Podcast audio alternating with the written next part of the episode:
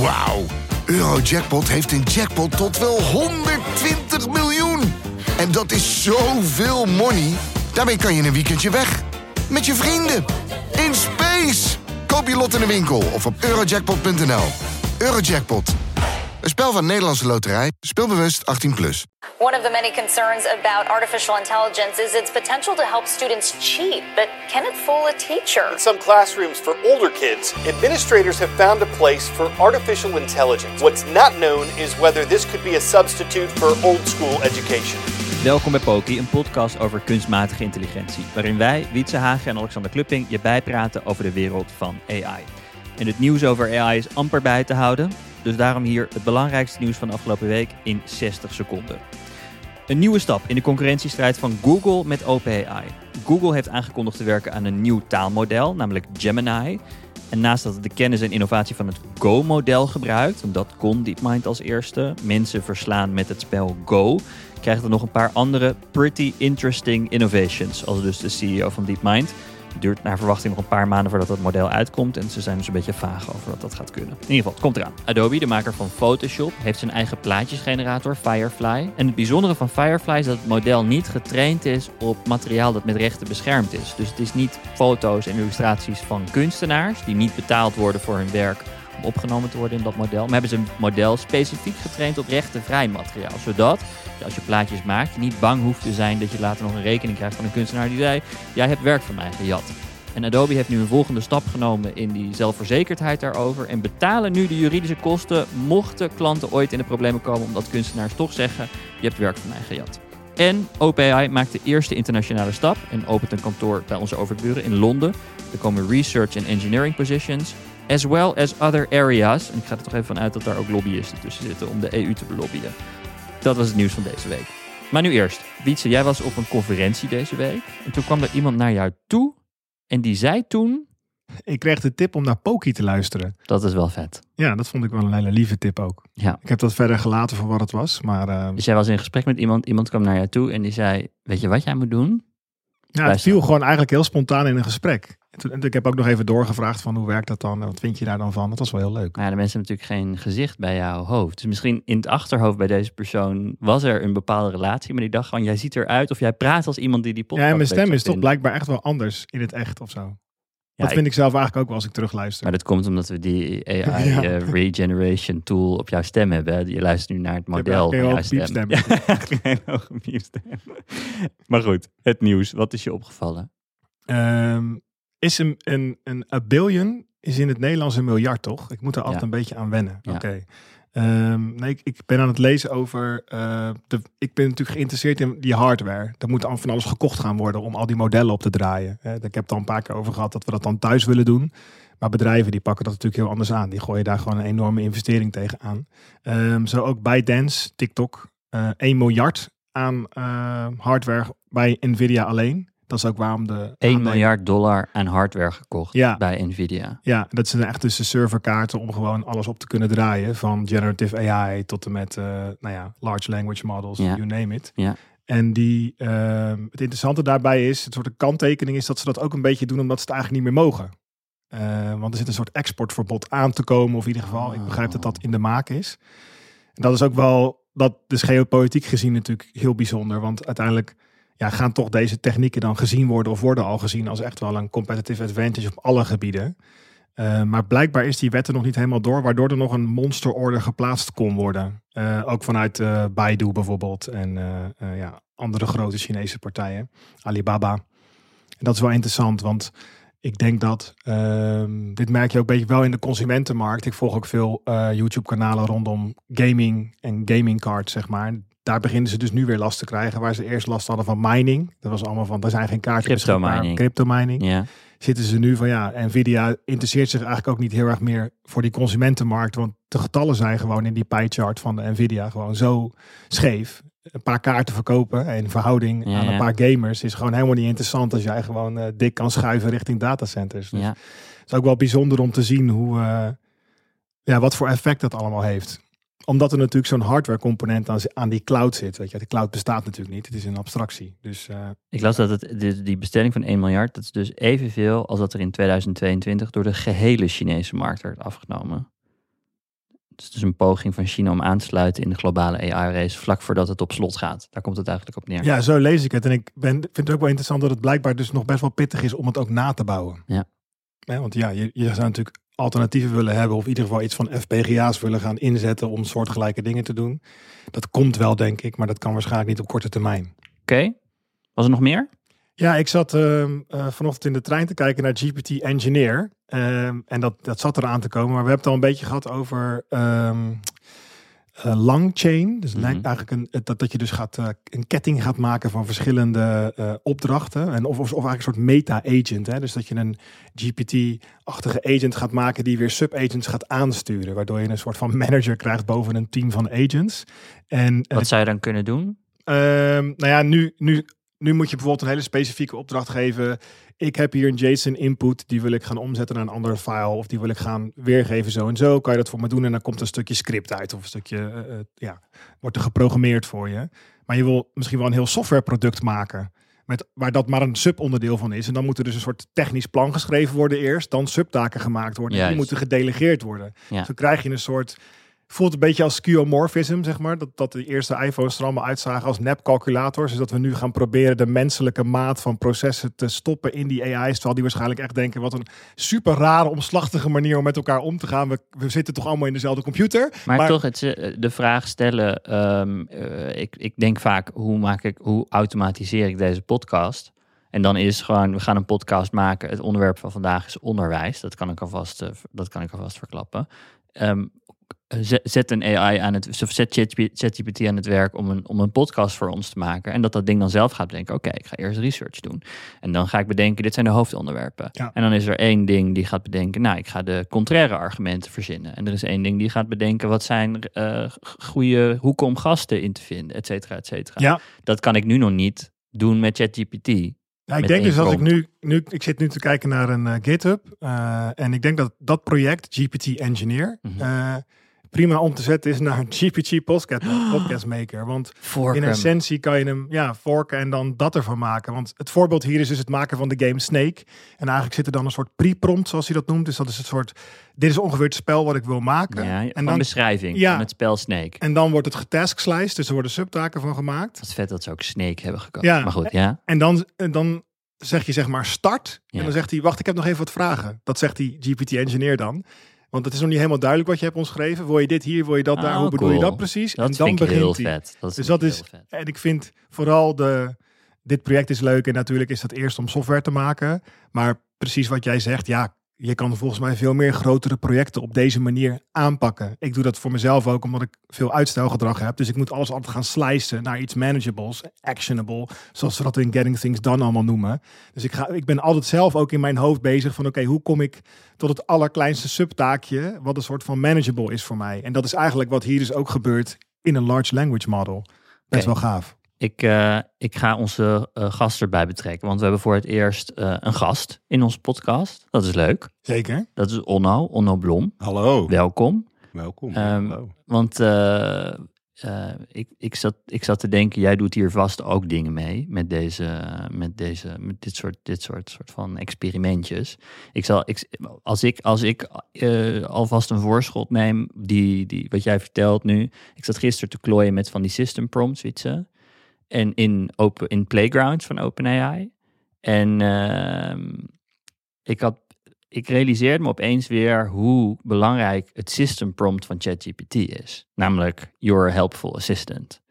En uh, ik zat een beetje te klooien met, uh, de, de, de, met die system prompt om dan die te veranderen. En ik dacht opeens, ik ga eens kijken wat er gebeurt als ik zeg, je bent een coach.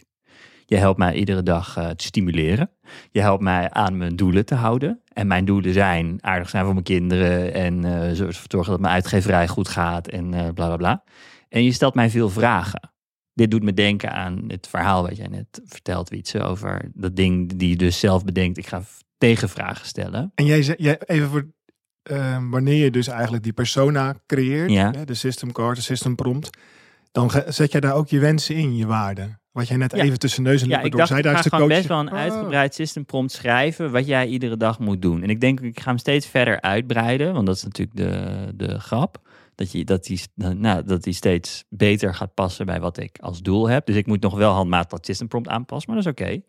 En dat ding begint dus te vragen met, uh, nou, uh, wat heb je gedaan met je kinderen vanmorgen? Ik zei, nou, ik vond het wel vermoeiend, want ze waren een beetje aan het uh, schreeuwen in, in, plaats van dat ze gewoon een pap gingen eten. En dan komt dat ding dus terug.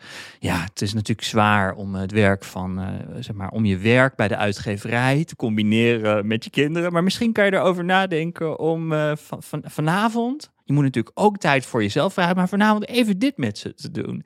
Hoe gaat het trouwens met, uh, met de uitgeverij? Wat heb je daar vandaag aan gedaan? dus dit was een soort gesprek. Ik dacht, oké, dit werkt.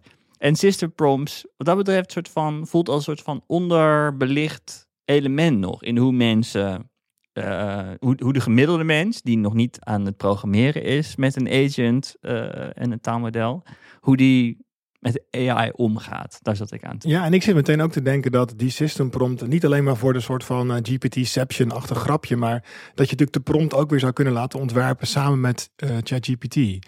Dat klinkt misschien overdreven, maar je zou natuurlijk kunnen zeggen van ik ga eerst een, een, een uh, agent of een, of een prompt creëren waar ik zeg we gaan samen, hoe kunnen wij samen een ideale agent voor mij creëren als ik deze doelen heb. En dat dan een soort van samenvatten in een goede Juist. prompt. En dan die prompt erin. Ja. Dan kan je daar ook weer een prompt engineer opzetten. Dat is het grapje dan en je kan blijven gaan. Maar het moet, moet wel zinvol zijn. Maar ik denk dus dat dat een soort van aan, uh, aanbrengen van scheiding tussen die verschillende entiteiten toch interessant kan zijn om een soort dialoog in een groep te van maken. Een, een groep van synthetische wezens. In plaats van een, dat je het allemaal probeert in dat ene individu te stoppen of zo. Ja. Semi-individu. Nou, dit was allemaal een brug naar jou, Onno. Ja. Uh, ik wil dadelijk hebben over hoe jij, wat jij nou toepast in, jou, in jouw werk en leven. Maar misschien eerst wat meer achtergrond bij jou. Ja. Je bent ondernemer Klopt. en filosoof. Klopt. Uh, wat doe je als ondernemer?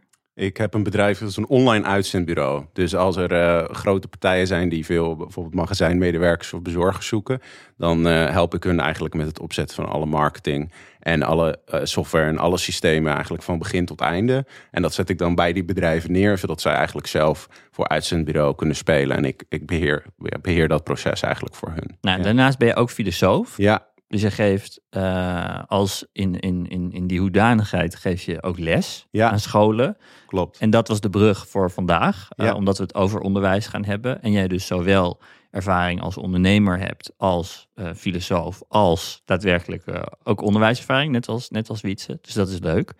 Um, wat voor les geef je? Dat is middelbare scholen, hè? Uh, ja, onder andere. Ja, dus ik zit bij een instituut dat heet Landmerk. En die zijn eigenlijk, uh, ja, die houden zich bezig met filosofie. En, de, en de, wat ze dan noemen de grote vragen. Dus, uh, dus dat zijn ja, de grote werken uit de geschiedenis en de filosofische vragen van hoe le leid je nou eigenlijk een goed leven.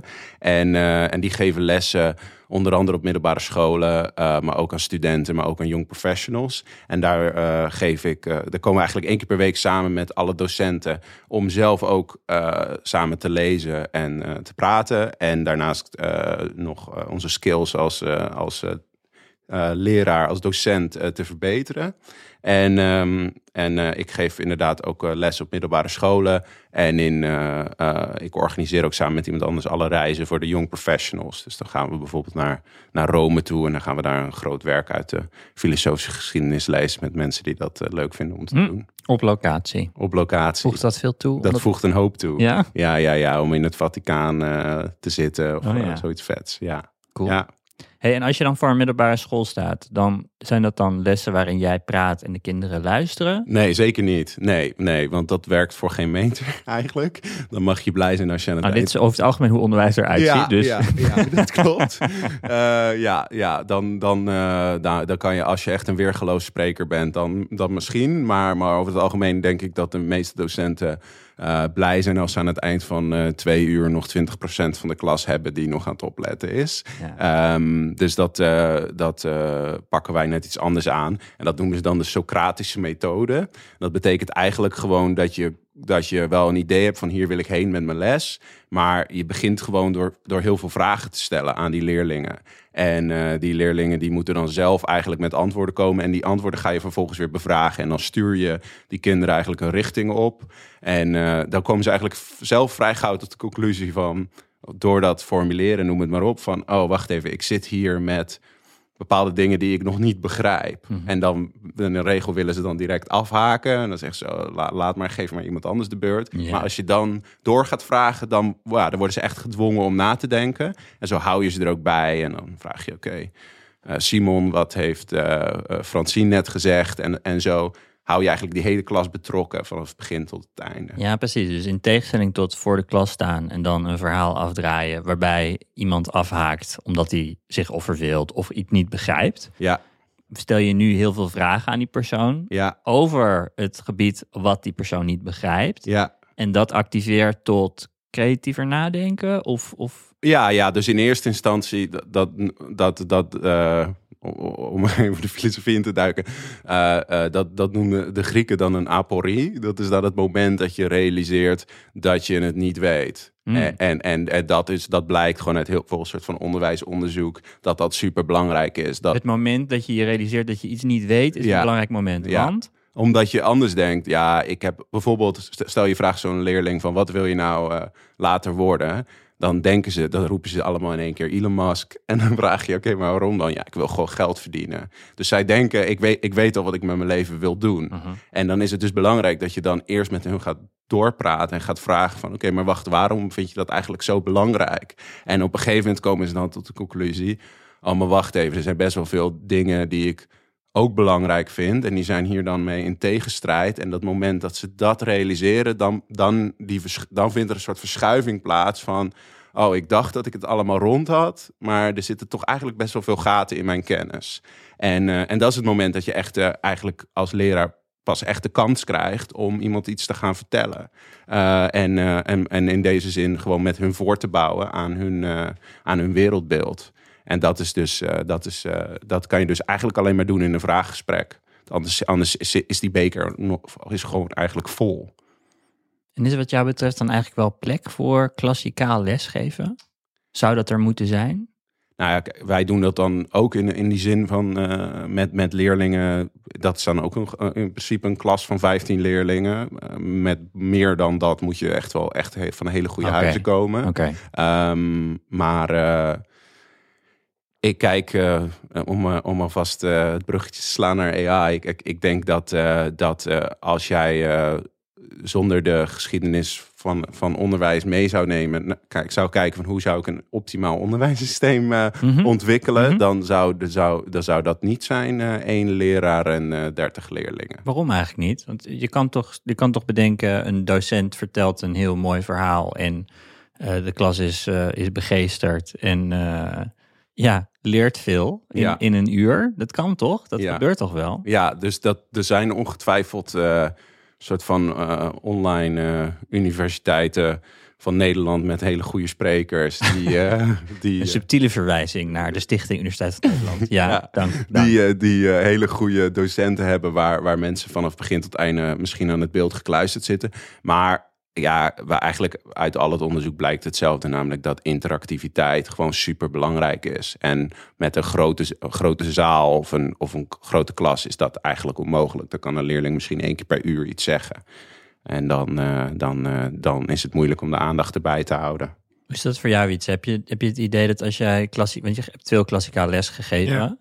Ja, ik, zit, ik, ik, ik vind meteen, er ontstaat meteen een hele interessante spanning in mij, merk ik. Ik Want? ben het, nou, ik ben het niet helemaal mee eens. Maar Mhm. ik wil het dan ook.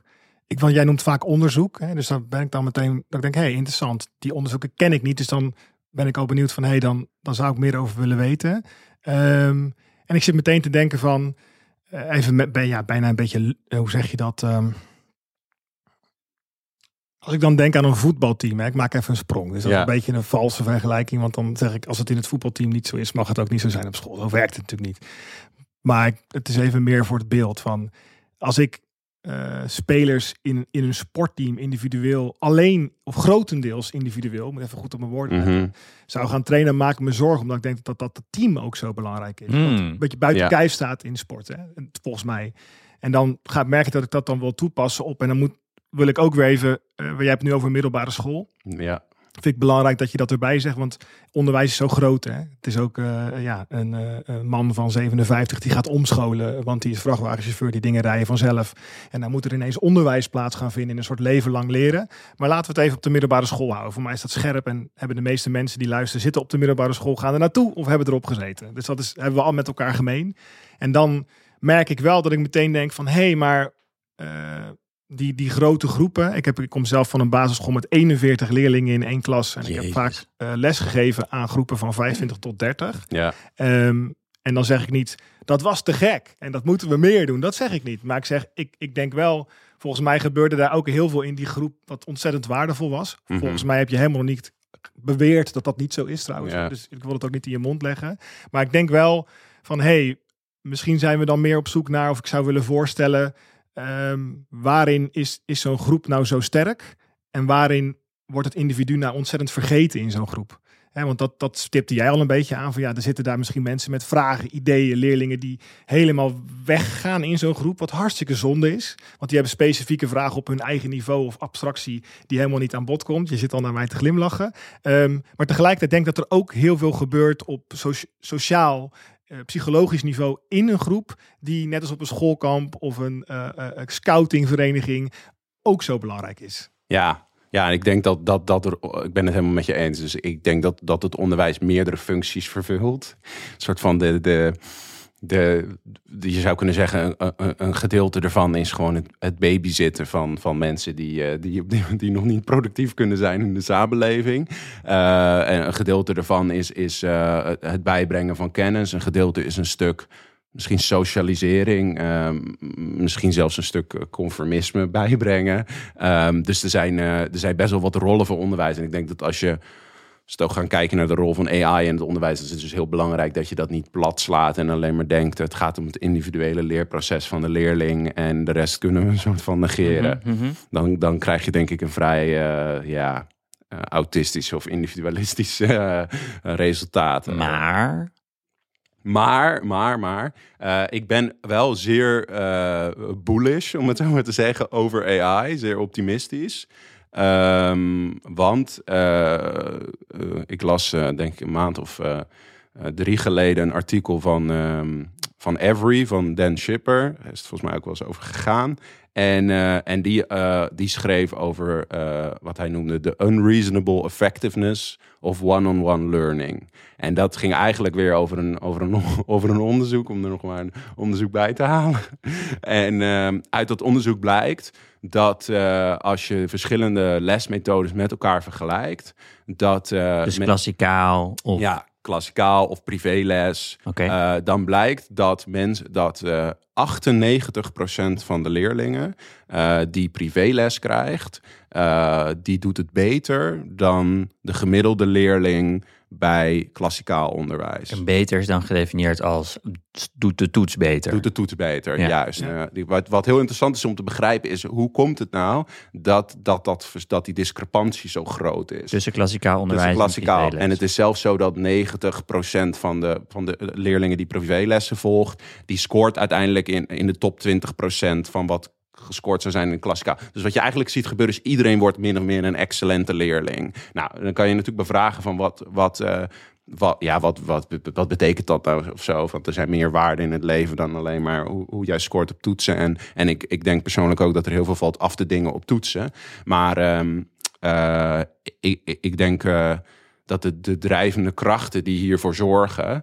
Uh, dat, dat, uh, dat dit zoveel beter werkt. Dat dat uiteindelijk wel gewoon ook uh, kwalitatief inhoudelijk iets, iets, iets goeds is. Bijvoorbeeld het idee dat, dat een leraar zijn ja, met jou gaat praten en er direct achter komt: oké, hier zitten de zwakke plekken van de leerling en hier zitten de sterke plekken. Oké, okay, nou gaan we het meer hebben over dit en dit.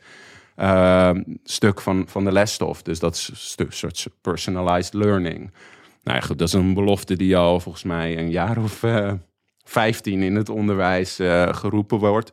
Dus er valt ook genoeg te zeggen over de vraag: uh, ja, kunnen wij onderwijstechnologie, noem het maar op, is dat nou te combineren? Hoe komt het nou dat het onderwijs zo vastgeroest lijkt te zitten en dat daar eh, weinig eh, verbetering is, in is geweest, misschien zelfs een achteruitgang op sommige vlakken, eh, ondanks het feit dat we er ja, dat we nu allemaal digiborden hebben en allemaal dingen al, al Nee, beter het, aan eh, kunnen passen. Kinderen kunnen slechter lezen en rekenen dan een tijdje geleden. Het, het, het gaat achteruit. Ja. Dus er is ook nog wel wat te winnen. Maar, maar even, we, we hebben dus, laten we kijken of we het eens kunnen worden over de meerwaarde van persoonlijk één één op één onderwijs. In ieder geval dan van een deel van de, van de tijd die Nou, we besteden op school. Ik zeker. En ik denk dat, want ik kan het nog even mooi koppelen, denk ik aan de system card of prompt waar we deze aflevering over begonnen. Dat Ja. jij hebt aangegeven, ik heb een soort coach gecreëerd. Daar heb ik een aantal waarden aan meegegeven vanuit mijn eigen leven. Ik ben dus heel benieuwd dan naar de system card of die educational AI. Ja. Want als we daar inzetten voor Nederland, CITO-scoren, laten we 550 aimen, weet je wel. We willen op Europees niveau aan deze dingen voldoen. En laten we vooral on par zijn met China qua eh, wiskunde. Ik noem maar even heel erg Ja. cliché ja. voorbeeld. Ehm, eh, dat, ik, wil, ik wil even gezegd hebben dat het kind in mij, die vroeger met... een- Ik, had, ik haalde allemaal radio's uit elkaar vroeger. Want ik wilde daar iets mee. En ik vond printplaten een soort van kleine steden. Dat, zo zien ze er ook uit. En dan ging ik die radio openmaken en dan ging ik er helemaal bij fantaseren dat het ook een stad was. En als ik dan een lampje erop aansloot en dat ging knipperen, echt, die kan mij niet gelukkiger maken. Maar dat deed ik. Nou, ik had gelukkig wel een vriend die dat ook leuk vond, maar samen met hem grotendeels alleen. Er was ook niemand die ons daar eigenlijk bij kon helpen. Bij mij thuis niet, ook al probeerden mijn ouders dat heel erg. En op school ook niet, behalve dat wij de enige computer op school. Ik verzin het niet, die lijkt echt heel erg oud. Maar wij kregen een 086 Hercules scherm, eh, één oranje kleur computer. Die kregen wij van school, want de kinderen deden er toch niks mee. Toen mochten wij die samen mee naar huis nemen en dan ben ik daarmee gaan computeren.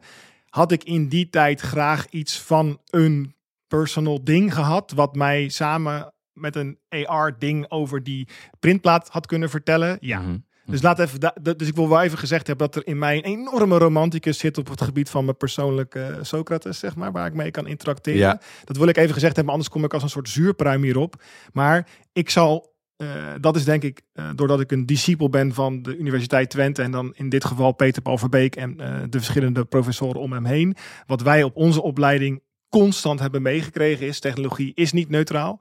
En technologie gaat dingen doen, waar zitten waarden in, die moet je er bewust in stoppen. Als je daar niet over nadenkt, dan zitten daar altijd waarden in waar je misschien niet van weet. Dus op het moment dat jij met alle goede bedoelingen een, een, een, een individueel leerrobotje of assistant gaat maken, zonder daarbij met elkaar te gaan zitten van wacht even, we hebben een, en, en ik weet zeker dat jij daar, dat hoor ik in jouw verhaal, bewust van bent, een hele, eh, er is meer aan een mens dan alleen maar goed scoren. Eh, dat als we dat niet met elkaar goed bedenken, dat er dan, ja, daar komen specifieke resultaten uit. Kinderen uit of volwassenen of jongvolwassenen die uit een, uit een bepaalde molen komen. Dat is vandaag de dag al zo. Met alle gevolgen van dien waar we ons ook zorgen om maken. Dat snap ik. Maar ik wil wel.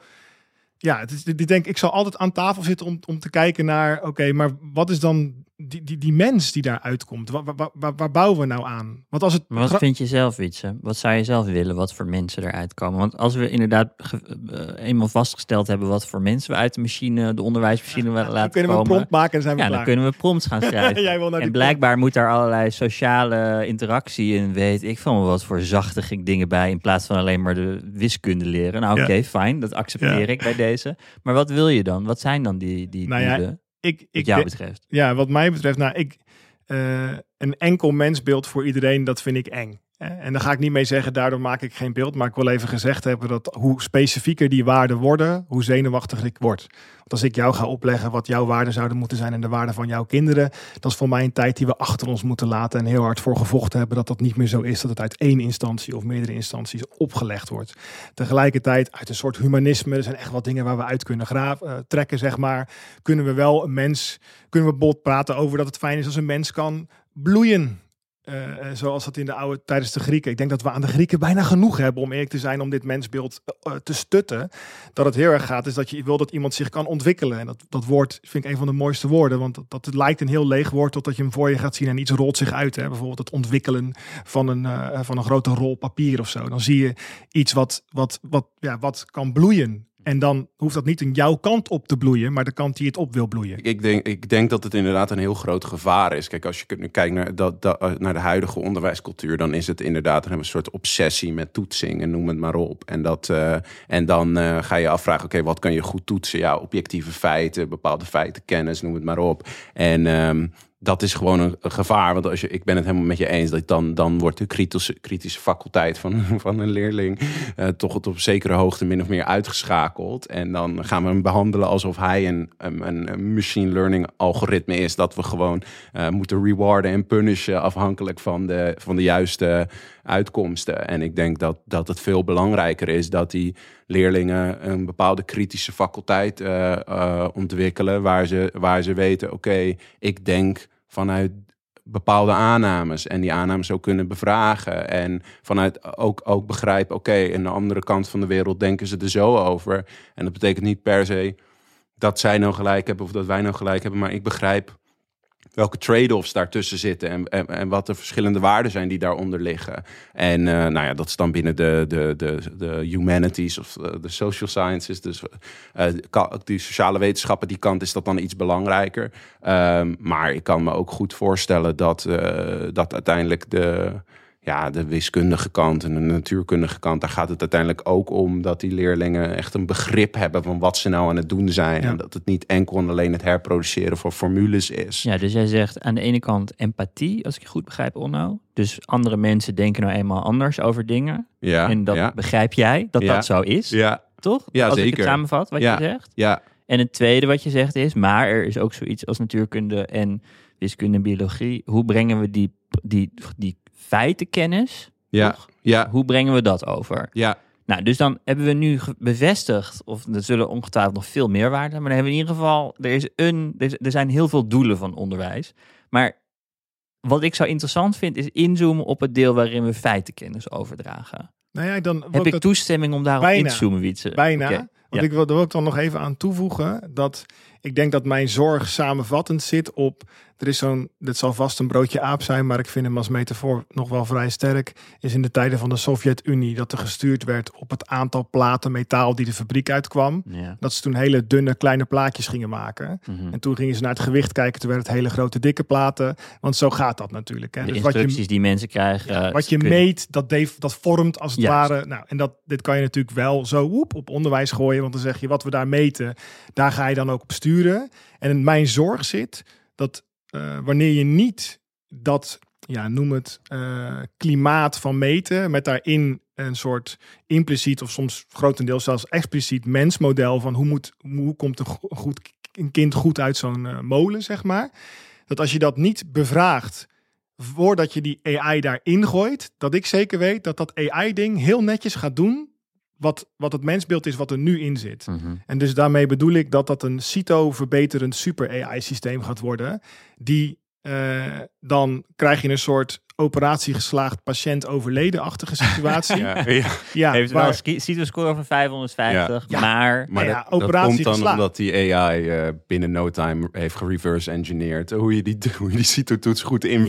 Ja, precies, en ja. eh, leerlingen voornamelijk leert hacken eh, in multiple choice questions. Ja, ja, Dan krijg je dus hele ja. Dunne kleine metaalplaatjes of hele dikke Ja. grote platen. Want het doel is uiteindelijk om te zorgen dat waarop gemeten wordt, dat al die getallen op 10 staan.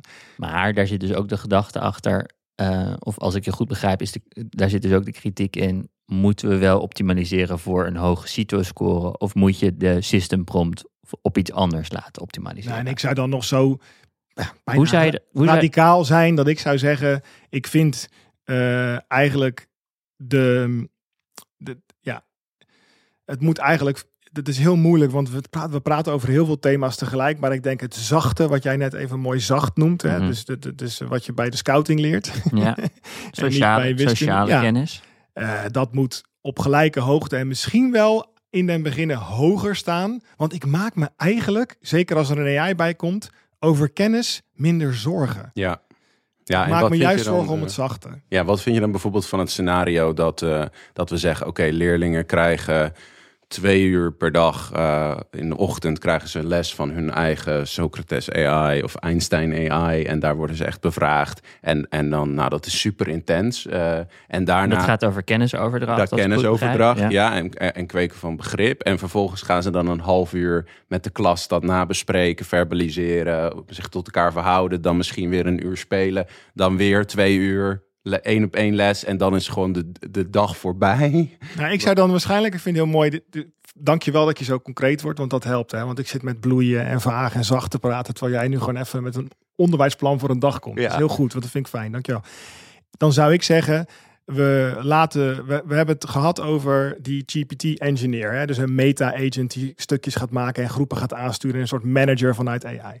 Wat ik dan heel gaaf zou vinden is, als we de waarde erin stoppen op een, op een wat abstracter niveau. Van dat we een stukje samenwerking en misschien uh, leerlingen die heel ver van elkaar afzitten in elkaars cultuur. Of heel erg ver van elkaar afzitten in elkaars manier van over, uh, overleg. Dat we zeggen tegen die AI, eind van het jaar zou het mooi zijn als die op een bepaalde manier beter met elkaar om kunnen gaan dat, dat moeten we bewust vragen. Anders gaat die AI zeggen, CITO-scores zijn hoog. Weet je wel, het is toch gelukt, meester? Weet je wel, het is, het is gefixt. Maar, en dan krijg je misschien een situatie waarin wordt gekeken... we gaan er is individueel werk, maar er is ook kleine groepswerk. Dus we hebben gekeken, Alexander en Wietse, die zitten in dezelfde klas, schroeven blijkbaar ook radio's uit elkaar, want dat hebben ze aan mij verteld aan de AI. Die ga ik in, die weten dat helemaal niet van elkaar, want het zijn twee introverte nerds. Die ga ik aan één groepsopdrachtje zetten, een duo-opdrachtje. De AI beslist dat wij ja, de soort Tinder-date hebben. Tinder, een educatieve Tinder-date, ja. Maar, en dan mogen Wietse en Alexander dat later aan de groep vertellen. Dus we doen nog even een stapje tussen het individu en de hele groep. We gaan ook nog even met duo's en uh, iets grotere groepjes werken. Ja. En natuurlijk gaan we dan ook werken met mensen waar we helemaal niet mee kunnen werken. Maar weet je, je constateert net, we gooien een hele hoop dingen door elkaar. Laten we dan proberen om het even uit elkaar te trekken. En dat sociaal, kijk, dit is misschien toch de nerd in mij. Ja, ik wil het gewoon over kennisoverdracht hebben. Ja. En de sociale, ergens denk ik, de sociale vaardigheden. Ik heb helemaal niet de behoefte dat AI daar een rol in gaat spelen. Ik snap je voorbeeld nu de, over dat de twee ham ham uh, radio uh, nerds uh, bij elkaar gezet worden.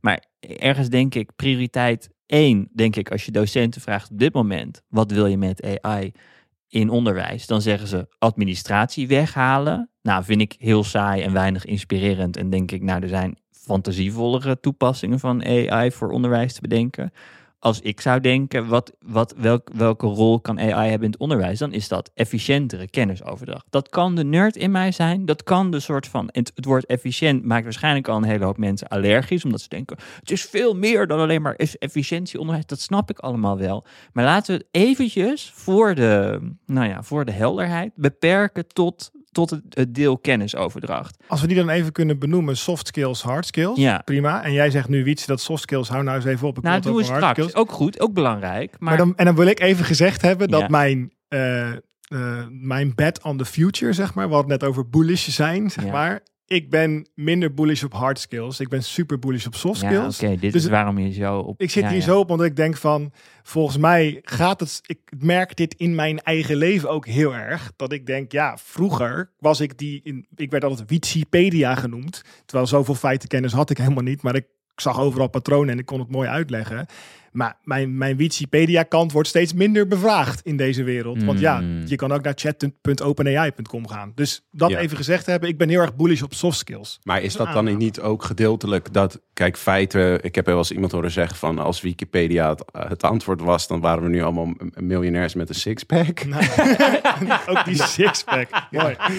Uh, dat, dat, zijn we, dat zijn we niet. Um, dus, uh, dus, dus er zit inderdaad ook een heel anders een stuk uh, een soort van karaktervorming en, en, en, en, en alleen al het feit van ja, iedereen heeft inderdaad alle feiten ter wereld min of meer tot zijn beschikking, maar toch is er een groot verschil tussen wie kan daar een mooi geheel van maken en wie, wie niet. En ik denk dat dat hem dat dat hem wel zit in het, kweken van begrip en, uh, en uh, uh, reflectievermogen en noem het maar op. En dat, dat, dat, is, dat is misschien niet feitjes uit de, uit de kwesten oplepelen, wat ik vroeger ook heel graag deed. Um, maar, maar, uh, maar wel, uh, dat, dat kun je wel daadwerkelijk trainen. is dat een hard skill, begrip? Um, nou, het is, niet, het is geen sociale skill. Hmm. Dus je kunt het bedenken. Ik, ik, ik geloof wel dat, dat je in een, in een een, een één op één eh, vraaggesprek. Wat ik geloof dat een, dat een, dat een AI eh, heel goed zou kunnen. Eh, als we daar de juiste system prompts aan geven. eh, dat, eh, dat die dan eh, een leerling eh, echt kan laten nadenken op een niveau waar eenrichtingsverkeer in een, in een klaslokaal misschien niet eh, zo geschikt voor is. Maar toch, Wietse bevraagt eigenlijk de relevantie van het leren van feiten, als ik jou goed begrijp. Nou, ik denk dat ik nu die, die soft-hard skill dualiteit is sowieso heel gevaarlijk. Want dan moeten we, nu moeten we het in bakjes gaan stoppen. Hè? Ja. Terwijl ik heel mooi vind, dit heb jij eerder ook al aangeraakt vandaag, dat je het over natuurkunde had. Ik moest meteen denken aan een interview dat ik ooit zag. Dat ging over intuïtie voor meerdere, meerdere dimensionaal denken. Dus we hebben allemaal grotendeels intuïtie voor driedimensionaal denken, want daar leven we in. En als je daar niet in leeft, loop je steeds tegen muren aan en rij je met je auto het water in. Maar in vier, vijf, zes dimensies denken, eh, dat is iets wat ik begreep, dat kost je ongeveer 20 jaar aan constante studie. Omdat je gewoon, om die intuïtie te ontwikkelen, moet jij gewoon constant met die materie in de gang zijn. Is dat een feit? Weet je als is, is dat feitenkennis Ja. of is dit natuurkundig intuïtie? En nu, nu raak ik wat meer aan Ja, wat jij zegt, hè? Is dat soft? Is dat hard? Ja, het gaat meer over modellen van de werkelijkheid eh, creëren en doorhebben be- binnen welke modellen je eigenlijk aan het functioneren bent. Ja. En dat, dat gaat zowel over de alfa-wetenschappen als over de beta-wetenschappen. En ik denk dat uiteindelijk eh, eh, als iemand succesvol van de middelbare school of de universiteit afkomt, dan, dan hebben ze veel van die modellen en die, en die modellen begrijpen ze ook en kunnen ze weten hoe, hoe, hoe die modellen zich tot elkaar verhouden. En iemand die... de planeten bestudeert, die weet ook niet op elk moment waar elke planeet staat. Maar Ja. die kan je wel op een heel fundamenteel eh, niveau uitleggen hoe dat zich hoe dat werkt. En dat, en dat, gaat, ja, dat gaat voorbij feiten als, als zodanig. En, ehm, en eh, ja, dat zie je ook. Dat bijvoorbeeld de grote natuurkundige, weet ik van Richard Feynman of eh, noem het maar op, die kan dan heel goed, die kon heel goed uitleggen hoe dat zich allemaal, hoe, hoe dat allemaal werkte, zonder ooit ja, met, met de formule aan te komen of, of met een feit of met een, eh, met een cijfer. Door gewoon te begrijpen van ja, hoe, hoe zijn die verbanden nou eigenlijk? En dat, dat fundamentele begrip, ja, dat, dat, eh, dat zie ik wel als een soort van de heilige graal van eh, wat uiteindelijk kennis is. En zijn jullie dan allebei ook tegen toetsen? Want toetsen impliceert dat je dus een. je hebt van tevoren vastgesteld wat een leerling moet weten. Gewoon, dit zijn 20 bullets die een leerling uit zijn hoofd moet kennen. Waarschijnlijk zijn het er 200 in plaats van 20. Maar dat. Vinden jullie dat dan ook een onwenselijk eigenlijk onder, onderdeel van het onderwijs? Ja, dat ligt heel erg aan de vorm van toetsen natuurlijk. Ik bedoel, ja, kijk, ik denk een Engels mondeling waarin je probeert een schoen te Nee, verkopen. ik bedoel een multiple choice examen. Dat bedoel ik met een toets. Ja, dus jij zit echt, echt hele, eh, hoe zeg je dat? Dit is Eh, wat ik heb- harde. Wat ik mijn hele onderwijsperiode er heb is, gedaan. laat ik zo zeggen, er is gelukkig meer. Dus jij zegt nu eigenlijk slechte toetsen. Sorry dat ik het zeg, maar daar heb je mijn mening al. Ja, tuurlijk, de- die multiple choice, dat is om met, met alle respect voor de docent het ook een beetje handelbaar te houden. Hè. Je moet, het sterker nog, het kan ingescand worden. Hè. Dus dat is lekker. Dat hoeft, dat hoeft straks niet meer. Dat hoeft nu, ik denk als we de tools nu zouden toepassen die we vandaag de dag hebben, hoeft dat eigenlijk al niet meer. Wat vind jij, Onno? Ja, nee, eh, ik ben het helemaal met Wietse eens. Dus, dus, eh, dus eh, eh, voor mij is de slechtste toets is een multiple choi- choice toets. En dan heb je misschien nog een toets waar mensen iets langere antwoorden moeten invullen. Maar eigenlijk staat voor mij met stip bovenaan staat gewoon een mondelinge overhoring. Ja. Juist. En, eh, en dat is totaal niet schaalbaar met, eh, met een één leraar en, en heel veel Nee, leerlingen. We doen een toets omdat het lekker schaalbaar is. Exact. En, Ja. en, en een mondelinge overhoring kost nou eenmaal heel veel meer tijd. Ja, Maar is een stuk waardevoller omdat je dan, neem ik aan, gaat begrijpen wat Nou ja, de leerling echt snapt. Je in kunt plaats van alle wat hij kanten weet. op. Een leerling weet niet van tevoren wat jij precies gaat vragen. Die, die, die kan, ik, ik, denk dat ook veel leerlingen zijn bezig met, eh, met een soort van de toets hacken. Op een manier van, oké, wat moet ik leren? Welke feiten moet ik kennen? En, Ja. en, en, zo- en eigenlijk alles om maar niet dat begrip te hoeven kweken. Ja. Nou, bij een mondelinge overhoring kom je daar simpelweg niet mee weg. Dat is niet veel, moeilijk, voor, veel moeilijker te hacken voor, voor leerlingen. Ehm, en eh, eh, ja, een leraar kan gewoon onmiddellijk aanvoelen, of een AI, van eh, oké, je laat dit weg uit je antwoord. Want je, je, je zegt nu wel dit en dit, maar ik hoor dit en dit nog niet. En vertel me daar eens wat meer over dan. En, en, en daarover en daarover. En dan, ja, dan, dan ben je al zoveel zo ver, in die beslisboom als het ware. En dan krijg je een veel beter begrip van... oké, op welk niveau, en welke diepte begrijpt een leerling dat. En daar kan je, nou, als je het wil, uiteindelijk een kwantitatief cijfer op plakken. Maar wat in ieder geval belangrijk is, is dat, eh, dat, je, dat je alle kanten op kan... en dat dat afgestemd is op de leerling. Ik denk ook dat, ik zit nu door dit gesprek te denken, op het moment dat je door je hele eh, toolkit of eh, ja, lesprogramma, methodiek heen gaat en eigenlijk simpelweg de vraag stelt, waarom doen we dit? En als het antwoord is, dit is didactisch onwenselijk, maar schaalbaar, dan moet je het weggooien. Ja, En als het didactisch wenselijk is, maar onschaalbaar, moet je het gaan doen. Of een manier gaan vinden om het toch te doen. juist. Dus die didactisch wenselijk schaalbaar, onschaalbaar, is een één op één mondeling. Hè? En die didactisch onwenselijk maar schaalbaar is een multiple choice. Dus zo kun je al een beetje een bakje van maken. En dan zullen er mensen zijn die luisteren en zeggen: Dit willen we allemaal heel lang al. Maar ja, maak het maar je? schaalbaar. Ja, Ja. Nee, maar, en, en dan komt natuurlijk ons eh, rode draad van Poki en deze aflevering. Wat is dan de rol van die AI? Waarbij ik dan alleen eigenlijk een heel klein asterikje, asterixje in de lucht teken en zeg: Zullen we in de system card ook een stukje soft skills meenemen? Ja, maar dat komt, ach, nee, dat komt allemaal straks. Alexander, Die dat is, een, dat is een heel belangrijk iets. Jij wil, dat is zo, on, dat is zo kwant, kwalitatief subjectief en daardoor zo irritant ongrijpbaar. En dat maakt het denk ik voor jou minder dat je, dat je het niet fijn denk- vindt. Ja, ik, zit, ik, vind heel, ik vind het heel interessant dat je hier zo op zit. Omdat ik, ik associeer onderwijs als buitenstaander, maar gewoon als, als heb onderwijs genoten. Toch ook echt wel als ik heb eh, heel veel tijd besteed aan heel veel kennis vergaren. Dat was echt een heel aanzienlijk deel van wat ik op school heb gedaan. Is leren over shit en dan vervolgens daarop getoetst worden. Ja. Zes jaar lang. Ja. En ik snap ook, ook heus wel dat er heel veel andere dingen geleerd worden op scholen. Maar het is wel echt een significant onderdeel van wat het onderwijs is. Op dit Ja, maar dat is, dat, is, dat is toch niet helemaal een argument wat je nu gebruikt? Nee, en jij zegt eigenlijk dat is onwenselijk. En, en dat denk ik. ja, want eigenlijk is de waarde van onderwijs uit heel andere dingen moeten komen. Nou, ze hoeven elkaar ook niet uit te sluiten. Ik denk dus dat jij natuurkundige intuïtie kunt aanleren in groepsverband. En die groep hoeft niet 15 of 50 of 100 te zijn, want schaalbaar. Die groep mag ook een tijdelijk eh, eh, ad hoc clubje zijn van twee gasten die allebei radio's vet vinden. En dan gaan we praten over elektriciteit. Dus ik, ik denk dat het, wat, wat ik eerder al een beetje zei, hè, van, die, van die opleiding die ik heb gevolgd. Ik ben, en daar ben ik ook blij mee, anders was ik daar al lang weggegaan. Ik zal altijd aan tafel zitten om te verdedigen dat die technologieën ons vormen en dat daar zoveel in zit. En als we dat niet bewust sturen, en in dit geval heel concreet in die systemcards zeggen, het is ook belangrijk dat leerlingen elkaar minimaal een uur per uur accepteren dit. Dus we zijn nu bezig om die system cards in te vullen. Ja. Ja. En, en, dan is, en dan is de vraag, vind je dat daar, en dat, ik denk dat we het daar eerst over eens moeten worden, vind je dan dat daar kennisoverdracht in moet zitten? Eh, ik denk dat daar meer dan alleen maar soft skills in moet zitten. precies.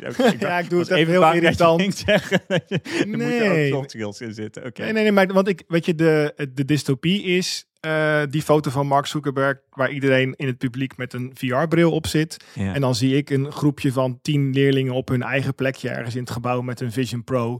eh, waar ook nog de ogen uitstaan. Dus er zit alleen maar een soort plasma Ja. op, eh, waas op hun gezicht. Waar ze lekker aan het, waar lekker alles in à la de Matrix, give me the tank program. En dan komt dat binnen. En dat een uurtje per dag of twee uur per dag, à la. En dan vlug weer naar andere mensen toe. Oké, maar laten we dan inzoomen op dat uurtje per dag. Of, Ja. of twee uur, of drie uur, of Ja, dat uur. wordt Maar- heel Nee, veel. maar, maar, maar wordt heel laten we ook veel. niet voorbij gaan aan, aan hoe, groot, hoe groot dit is. Van eh, de, de, de, de discrepantie tussen... eh, oh mijn god, we kunnen 90% van de leerlingen... kunnen we excellente leerlingen maken... door ze privéles te geven. Dat is echt iets, echt iets heel groots. Ja. En, en als we dat ook nog eens kijken, als je kijkt naar de Scandinavische landen, dan zitten die leerlingen daar ook niet acht uur per dag. En ze hebben, ze hebben zelfs geen huiswerk en noem het maar op. En daar kunnen wij nog een soort van dat, maar dan on steroids, is gewoon een reële mogelijkheid. eh, als we de technologie inzetten op een manier die, eh, die, eh, die het wel, wellicht gaat bieden. Ehm, Maar excellent voor wat? Een excellente CEO van Shell? Ehm, ja, kijk, laten we, dat, is, dat is een goede vraag. Maar kijk, ik denk dat. eh, kijk, ik wil, dat, ik wil echt geen eh, stupiditeit verdedigen of zo. En, en ik ben de eerste om te zeggen dat enkel alleen het oprakelen van feiten een, een, zi- een zinloos iets is. Ehm, maar we moeten ook eerlijk zijn en zeggen van oké. Eh, ik denk dat we gewoon dat, dat het goed is als mensen op een bepaalde manier eh, iets begrijpen van de natuurkunde en misschien scheikunde, biologie en eh, Nederlands. En, en als we dat, ik denk dat er allemaal over eens zijn van de basale feitenkennis is nodig. Ehm, en als we dat gewoon kunnen in een kwart van de tijd. Ja. en dan heeft iedereen ook nog eens niet gewoon. De, kijk, de, de helft van de leerlingen krijgt per definitie les van een ondergemiddelde leraar. Maar nu krijgt iedereen les van een leraar die gewoon op wereldklasse niveau is. Ja, dat is Schets zoiets. eens hoe je, hoe je denkt dat dat eruit zou kunnen zien. Wat, wat is die droom? Nou, bijvoorbeeld, nou, ik denk eh, bijvoorbeeld, la- laten we zeggen, eh, ik denk dat, dat wat, wat er kan gebeuren, wat ik net ook al aangaf, is stel leerlingen die openen hun dag met een klassikaal moment waar ze even, weet ik veel, hun dankbaarheid betuigen, voor, hè, sociaal even wat dingen aan het doen Dit, zijn. de system prompt is dankbaarheid uit. Prima. Ja, of misschien gewoon met een klassikale facilitator op dat moment nog. Maar vervolgens is het oké, ik open mijn laptop en, en nou, laten we hopen dat AI op dat moment iets visueler is en iets, iets meer audio en dat, dat het meer is dan alleen ChatGPT. Ja. Maar zelfs als we uitgaan van ChatGPT, dan zit daar dus in de system prompt misschien een, eh, een, een, een Einstein AI die jouw natuurkunde gaat leren. Ja. En, eh, en dan gaat eh, en dan stelt die, die Einstein AI stelt jou gewoon direct een vraag. Ehm, net zoals bij jou in de ochtend gebeurt, maar dan over de natuurkunde. En dan reageer je daarop. En dan eh, zegt hij: Oké, maar, ja, oké, maar hoe zit dit dan? Of hoe zit dat dan? Of ehm, eh, hij, hij legt je iets uit en vervolgens vraagt hij: Oké, eh, als je dit nu in je eigen woorden zou moeten uitleggen, wat zou je dan zeggen? En, ehm, en, en op die manier gaan, ja, op een hele dynamische manier, die leerlingen dan aan de slag. Ehm, nou, waarschijnlijk eh, kan, die, kan de leraar, facilitator, kan dan zien van al die leerlingen, oké, wat is hun voortgang? Weet je wel, dat moet ook op een manier allemaal to- toegankelijk en transparant worden gemaakt. En als het nodig is, kan een leraar altijd nog instappen. Maar dat niveau van soort van engagement en dynamisch en, en gepersonaliseerd en, en, en slalommen wat je dan op dat moment kan doen met zo'n AI, ja, dat, dat is voor mij wel echt de heilige graal. ik, ik zie een soort, nou, die, daadwerkelijk een 3D-representatie van Einstein. Misschien zien we gewoon Einstein voor ons en je krijgt natuurkunde van Einstein. Tenminste, als dat iemand is van wie, de, van wie het kind graag leert. Want als jij liever leert van Kylie Minogue of je leert, nou, die, is- die is nu top of mind, ik weet niet, die heeft een hitje, anyway, doet er niet toe.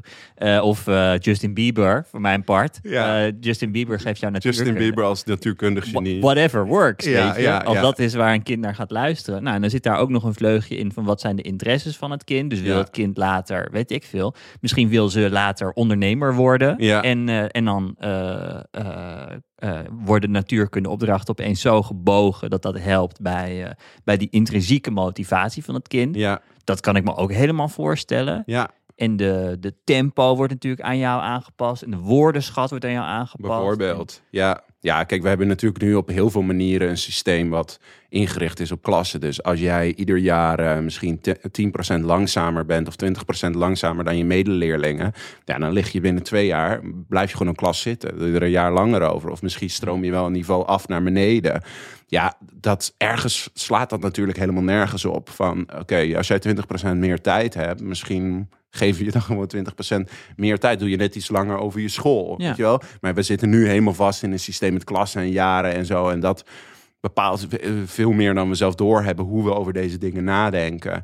En ik ben ehm, ergens ook wel, eh, wel eh, voorzichtig en sceptisch en conservatief. En dat ik denk van, nou goed, het onderwijs eh, eh, lijkt ook redelijk eh, robuust. De technologische vooruitgangen van de afgelopen 10, 15 jaar ook wel allemaal buiten de deur gehouden te te, negeren, hebben. ja. Te negeren. En, en er zijn heel veel prikkels in dat systeem. Ik ken start-up ondernemers die geprobeerd hebben dingen in het onderwijs te veranderen. Nou, die zijn... eh, Kom je niet doorheen. die, die zijn echt eh, na vijf jaar hun hoofd tegen de deur slaan. Ja, eh, geloof ik helemaal. Afgedropen. Dus, dus, dus, dus de vraag is. Maar, maar ik, ik ben in die zin ook wel sceptisch dat ik denk, het zou ook kunnen dat we over tien jaar een soort, eh, ja, echt iets geweldigs hebben wat we aan leerlingen kunnen geven, maar dat we het gewoon niet, Niet gebruiken. gebruiken, ja. En dat ze dan s'avonds thuis, eh, dat dan de, de rijke leerlingen, die, of, of leerlingen van, uit, uit welgestelde gezinnen, dat de ouder zegt, we gaan nog maar even met ChatGPT Ja, praten. ja. En dat er een enorme discrepantie ontstaat op die manier. Dus, eh, dus Bijles on steroids. een soort bijles on steroids, ja. En dat is natuurlijk ook... dat is natuurlijk wel gevaarlijk. Van, willen we dat? Eh, dat is... ehm, Ja, goed argument. Wat, hoe luister je hier nou naar, Wietse? Nou, ik vraag me Want zo... dit is inderdaad wat ik bedoelde. Ja, dit weet is de ik. droom. dit is hier de ga droom, ik van dit- aan. Dit is mijn nachtmerrie. Ja, Ja, dit is niet mijn nachtmerrie, maar... Nee, het is niet je nachtmerrie, maar puur als... Nee, want ik, ben, ik, ik zit helemaal niet zo van, eh, hoe zeg je dat, helemaal aan de andere kant. Maar ik, ik heb gewoon een aantal, aantal grote vragen. Is het wel een engineering problem? Kijk, als jij, een, als jij een stuk water hebt en je zegt we willen wat water vast gaan houden, dan komen de engineers die gaan beton storten en die gaan, die gaan een grote dam maken. Dan blijkt ineens het hele ecosysteem erachter dood te gaan. Want ja, zo denken engineers niet. Die hebben gewoon een vraag. Hoeveel water moet je aan die kant, hoeveel water moet je aan de andere kant? Nou, dan komt die groep engineers het onderwijs binnen. Die lopen dan tegen allemaal muren aan. Want wat blijkt, hun manier van denken, hun model van de wereld sluit misschien niet helemaal aan. Ehm, daar ben ik dan tegelijkertijd een soort van blij. Omdat ik denk, wat lekker dat het zo robuust is daar. En wat fijn dat ze het buiten hebben weten te houden. Want het buiten houden is niet alleen maar we willen niet veranderen en boe boe boe technologie. En we willen onze eigen baantjes behouden. Allemaal onderdeel ervan, dat begrijp ik. Maar er zit ook een stuk in dat er blijkbaar meer gebeurt in een school dan enkel kennisoverdracht. Daar zijn we het inmiddels met z'n drieën al over eens. We zien dat nu als onderdeel van een breder programma in het onderwijs.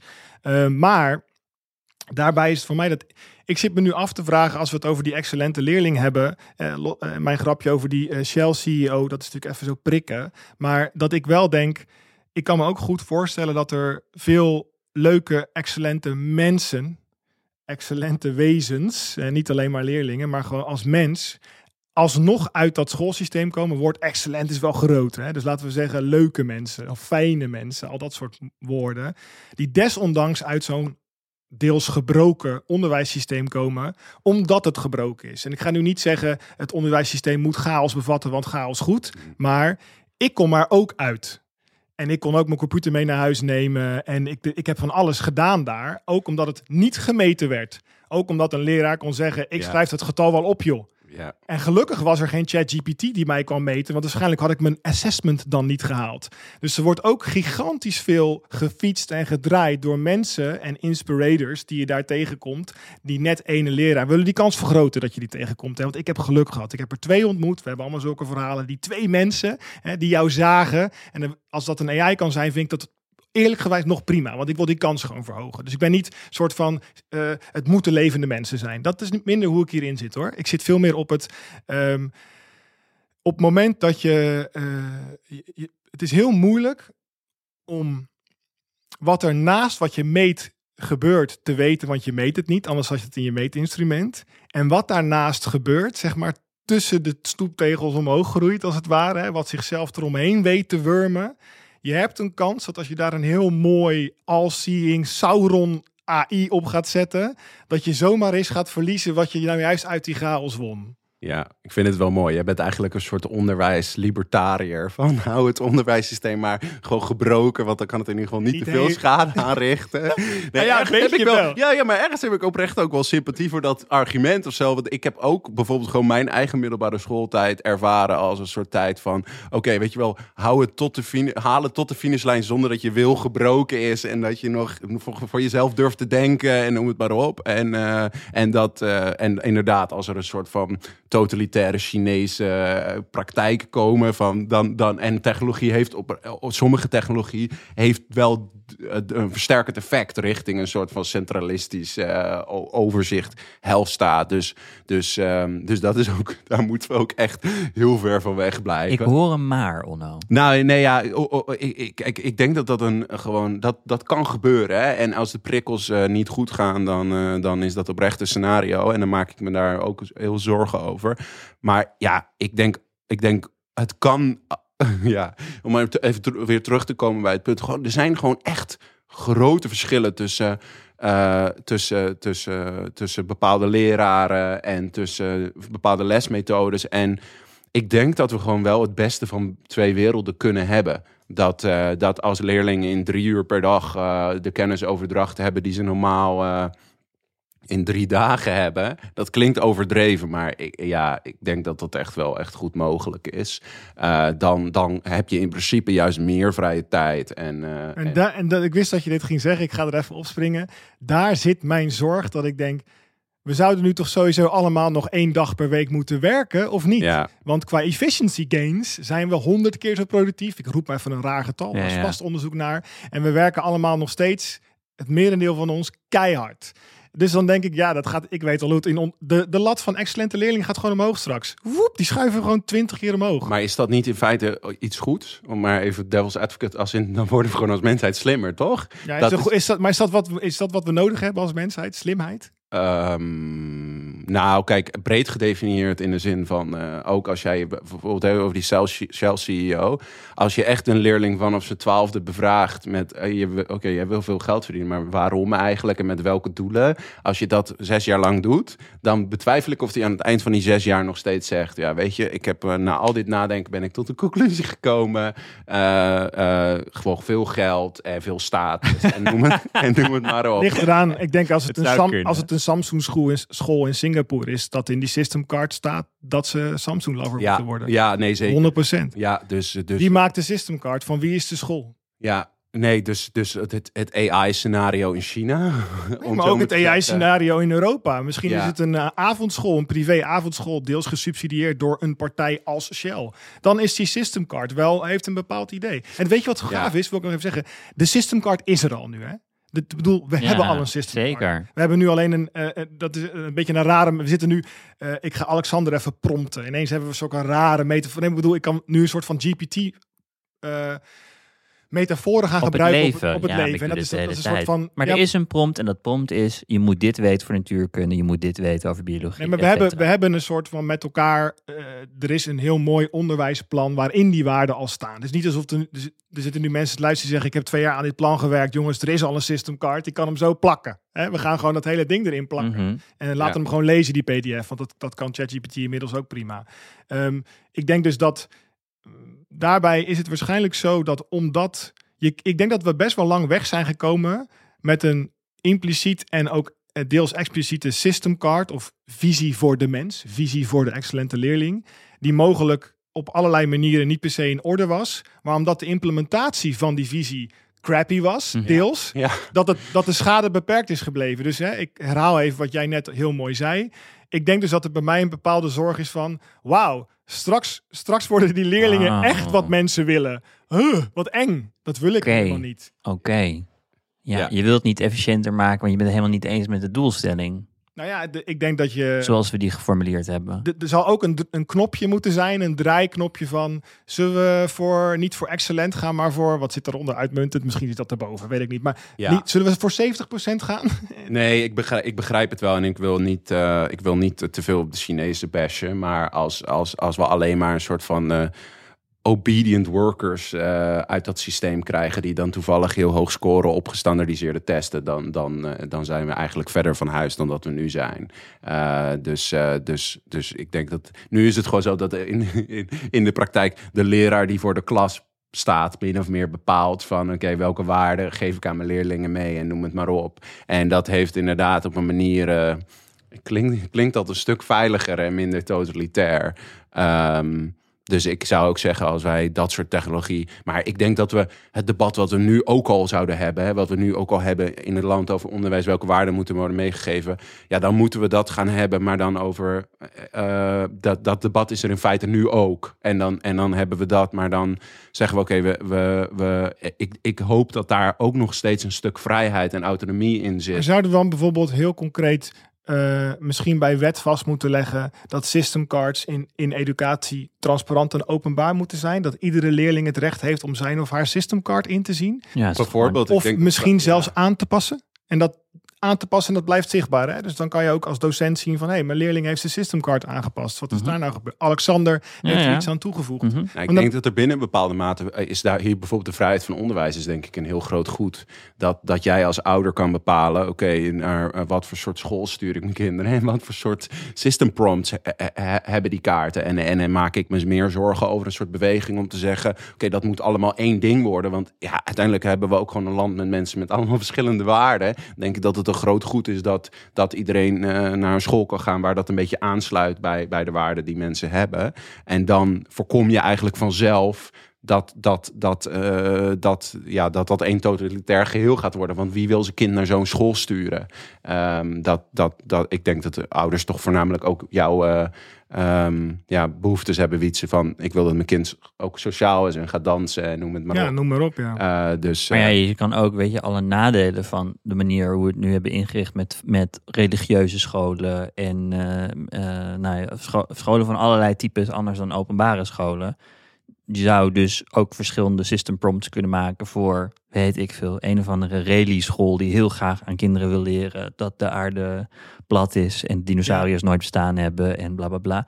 Die vrijheid moet je ook houden om die in die system prompt te houden als je dat eenmaal accepteert. Vind ik Nou ja, grappig. die transparantie in ieder geval. Want anders ga je, nee, maar als jij van bovenaf gaat opleggen. Ja, ja. Er wordt al van bovenaf opgelegd hoor trouwens. En de- je kan volgens mij binnen jou, daar weet ik te weinig van hoor. Maar we hebben de vrijheid van onderwijs. Maar voor mij mag je niet zomaar alles vertellen. nee, mij. er zijn ook be- grenzen aan. zijn- En dat, dat Ja. is allemaal heel spannend, die Nee, maar grenzen. je mag, wel, je mag wel vertellen over God. Dat mag. Ja. En, dat, en dat God de aarde gemaakt heeft. Dat mag. Ja, als je dat als, als, je dat als eh, ja, dat, maar even, even voor de voor de Nee, en ik- nee, dat ik zit ook in de system. Ja, en dat kan ik zelfs nog. Ik bedoel, ik kom uit een religieuze achtergrond.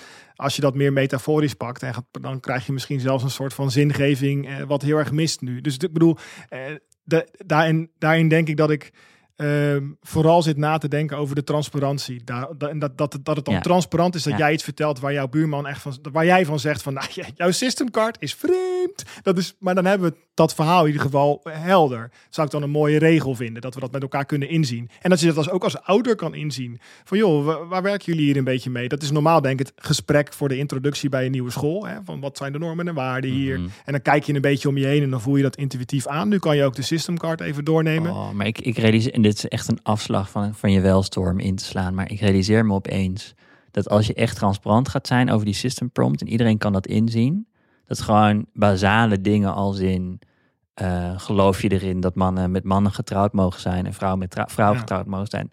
Dat dat soort waar, dat, het, wat- dat dat soort waarden überhaupt besproken worden op school, hoeveel shit dat gaat veroorzaken. ja, en als, je ik- dit, als je hier transparant over gaat Nu wij het hierover hebben, er, er, vindt, er, bevindt, er vindt zich een explosie plaats in mijn brein op dit moment. Dat ik ook denk, dat is echt nog een stukje naïviteit wat ik bij mezelf heb ontdekt. Dat dat mediëren, wat jij al een aantal keer hebt aangehaald, eh, Alexander, door de afleveringen heen.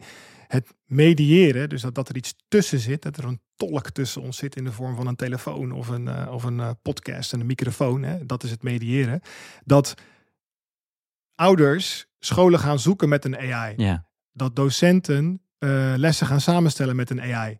Dat, ik zit heel de tijd in een soort heel beperkte eh, mindset van leerlingen worden gemedieerd. Er is een AI waar een leerling mee interacteert. Maar dat is natuurlijk nog zo'n klein stukje van ja, het op zoek gaan naar een school, het vormgeven van het schoolplan, systems cards geschreven door AI's vanuit, Mhm. een, vanuit een soort landelijke belangen. Ik noem het maar even, zeg Mhm. maar. Ja. Dat- dus dit, dit, deze rabbit hole is natuurlijk eh, hartstikke fractal waar we over praten. Daarom waardeer ik het wel eh, als jij, Alexander, zegt... joh, zullen we, even, zullen we even iets soft en hard? Zullen we iets, kunnen, mogen we iets parkeren vandaag? Mhm, Hè? Want mhm. als we niet gaan parkeren, dan wordt het een heel moeilijk, eh, moeilijk gesprek. Ik zal dan wel altijd benoemen als we parkeren... omdat ik dan denk, dan weten we in ieder geval dat we nog iets hebben om op te pakken... als we dat zouden willen. En ik denk hierbij dat we er eh, niet aan ontkomen... dat er wel... Ik vind het een heel mooi... Het is het eh een techniekfilosoof, nou ja, weet niet of hij zichzelf zo zou noemen, maar Heidegger eh, wordt in de techniekfilosofie veel aangehaald, laat ik het dan even zo zeggen. Ik vind een van zijn mooiste inzichten is de vraag naar technologie. Dat hij zei, ik ben niet zo geïnteresseerd in die artefacten, oftewel een laptop, of die systemen, een schoolsysteem. Wat voor mensen maken technologie? Hoe moet je als mens denken om sowieso technologie te gaan maken? Zeg maar, je moet dan al efficiënt denken, anders maak je die eh, eh, dam niet in het water. Zeg maar. Je moet dan bezig zijn met, hmm, zou het niet lekker zijn als we vaker water hadden? Dus hij was altijd heel erg aan het nadenken over wat voor mindset moet je hebben om tot technologie te komen. Nou, en ik denk dat eh, die mind, er is een bepaalde mindset binnen het onderwijs, en verschillende ideeën zijn daarover. Als je daar AI in plopt, dan wordt dat vanzelf, gaat dat zichzelf dan een beetje aan vormen. Zeker als je het eh, gaat zeggen om zelflerend te zijn. Misschien zeg je wel tegen die AI, kijk een jaartje mee en schrijf dan je eigen systemcard avant la lettre. Want ja, wij weten hem niet. Hij is er de facto. Uh, Mhm. Maak hem Ja. Wat was expliciet. de system Ja, wat, was, wat, wat Mhm. is hier eigenlijk de system Mhm.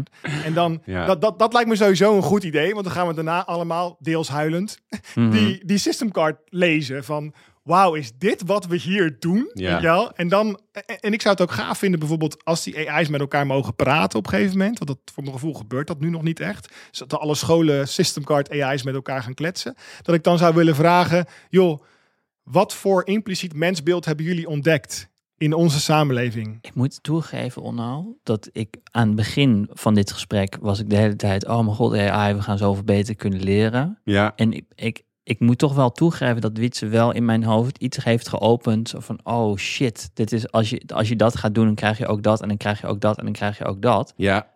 Waar, waarom ben je zo optimistisch? Of wat maakt je zo optimistisch over, over de rol van AI in onderwijs? Afgezien van wat je tot nu toe hebt gezegd. Nou, kijk, eh, ik, ben, ik, denk, ik zie alle beren op de weg allemaal ook. Mhm. Ehm, maar, eh, ik, en ik zie ook dat er al technologie is die, die we gewoon nog niet echt toepassen in het onderwijs. En ik zie ook de reden waarom we dit ook kunnen negeren en noem het maar op.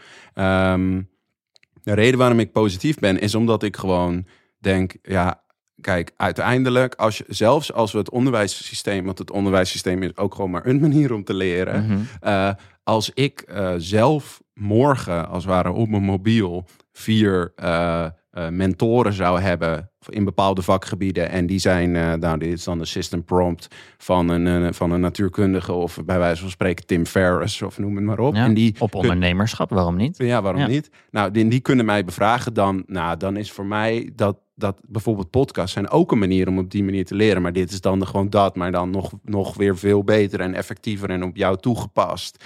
Dus, uh, dus ik weet gewoon, of ik, ik, ik geloof gewoon heel sterk dat, dat, dat die potentie, die zit er gewoon echt in. Van dan, dan is wat mij betreft elke andere manier van leren is wel echt een, uh, een factor 10 uh, slechter. En, en daar zou ik persoonlijk heel enthousiast van worden als ik dat zou kunnen hebben. En wat zou je nog meer willen? Ik denk dat wat uh, ik denk dat nog wel interessant is om te bespreken, is de vraag van ja, wat uh, kan AI nou op dit moment? En waar staat het nou op dit moment? Hè? Want je hebt altijd een beetje de meme van uh, uh, machine learning is just statistics. Een soort van, he, heeft AI nou uiteindelijk echt begrip van wat het zegt? Of is het gewoon een soort van inductie van de dataset die het al heeft? Mm -hmm. En een soort van een interpretatie daarvan zou zijn, oké, okay, we geven het gewoon, een, we hebben het op dit moment, uh, heeft ChatGPT gewoon een gigantische dataset en heel veel parameters en die buigen we allemaal naar die dataset. En daar is het inmiddels heel goed in geworden om dan die dataset samen te vatten en, en, en daarop te reageren. Maar als je het echt vragen stelt van, oké, maar waarom vind je dat dan? En hoe haakt het dan in op andere kennis? En als het ware, als je het echt probeert om een coherent wereldbeeld neer te zetten, ja, dan zie je dat het eigenlijk binnen drie of vier vragen toch best wel snel de mist ingaat. Um, een andere manier om het te verwoorden is, heeft het zelf eigenlijk die modellen van de werkelijkheid? Of uh, ja, is het gewoon uiteindelijk een hele een samenvatting van wat data aan het geven? En als het zelf die modellen van de werkelijkheid niet heeft, kan het die dan eigenlijk wel leren Mm. aan leerlingen? Op het moment dat een leerling een antwoord geeft, weet het dan wat het wat niet genoemd is, wat ook relevant is. Mm -hmm. um, dus dat, dat is eigenlijk, uh, ik zit op, zelf op een manier ook wel een beetje in het uh, symbolic AI-kamp. Van ja, we, we, we hebben ook op een manier de, de, eigenlijk wat wij gewoon bewustzijn noemen en creativiteit en noem het maar op. Uh, dus om, om echt een, een begrip te, uh, eigenlijk de vraag te kunnen stellen: waarom zeg ik dit of waarom vind ik dat? Dat kan een AI op dit moment maar zeer beperkt. En, uh, en, en daar is bijvoorbeeld Sam Altman van OpenAI, die zegt daar zelf ook over: van ja, dat is iets wat we op dit moment gewoon ja, eigenlijk niet begrijpen van wat is dat nou precies. En, en, en, en daarvoor zijn misschien ook gewoon theoretische doorbraken nodig. Omdat uiteindelijk om van een AI naar een AGI te gaan. En, uh, die begrijpt waarom je iets vindt. Waar, waarom die zelf iets vindt. Waarom de AI iets vindt. Ja, en, en, en, en echt begrijpt wat de betekenis is uh, uh, uh, ja, ja, achter mm -hmm. de woorden die het mm -hmm. gebruikt, om zo maar te zeggen. Ja, je zegt, is dat, is dat misschien niet een voorwaarde voordat uh, een AI echt les kan geven, dat, dat die dit begrijpt. Dat hij dit begrijpt. Of ze, of ja, of ze. Of, Eh, wat krijgen we dan anders niet? Gewoon een soort machine die tegelijkertijd razend slim is, maar ook een soort van volstrekt stupide en met twee of drie vragen onderuit te halen is, wat vaak nu het geval is. Ja. Ehm, ik, en ik ben daar oprecht gewoon over verdeeld. Van ik weet, ik, eh, ik, ik weet niet zo goed. eh, eh, de ene dag denk ik, ja, we hebben daar gewoon theoretisch hebben we gewoon op dit moment letterlijk geen enkel idee wat bewustzijn en creativiteit is. Eigenlijk om die stap van AI naar AGI te zetten. De andere, andere dag lees ik dan weer een paper van, oké, van ChatGPT 3 naar ChatGPT 4 heeft het opeens Persisch geleerd. En dat hebben we, hele, dat hebben we hem helemaal niet gedwongen te doen. Ja. Dus hij is blijkbaar toch een soort metamodel van taal aan het ontwikkelen. Waardoor er een soort, ja, toch een soort universaliteit in zijn kennis komt. En die universaliteit van zijn kennis, dat is toch, eh, dat is dan uiteindelijk wat wij misschien bedoelen met begrip. Mhm, Eh, mhm, dat wij mhm. iets leren in een bepaalde omstandigheid, maar eh, buiten die omstandigheden ook al vrij gauw begrijpen hoe onze modellen van de werkelijkheid daar toegepast moeten zijn.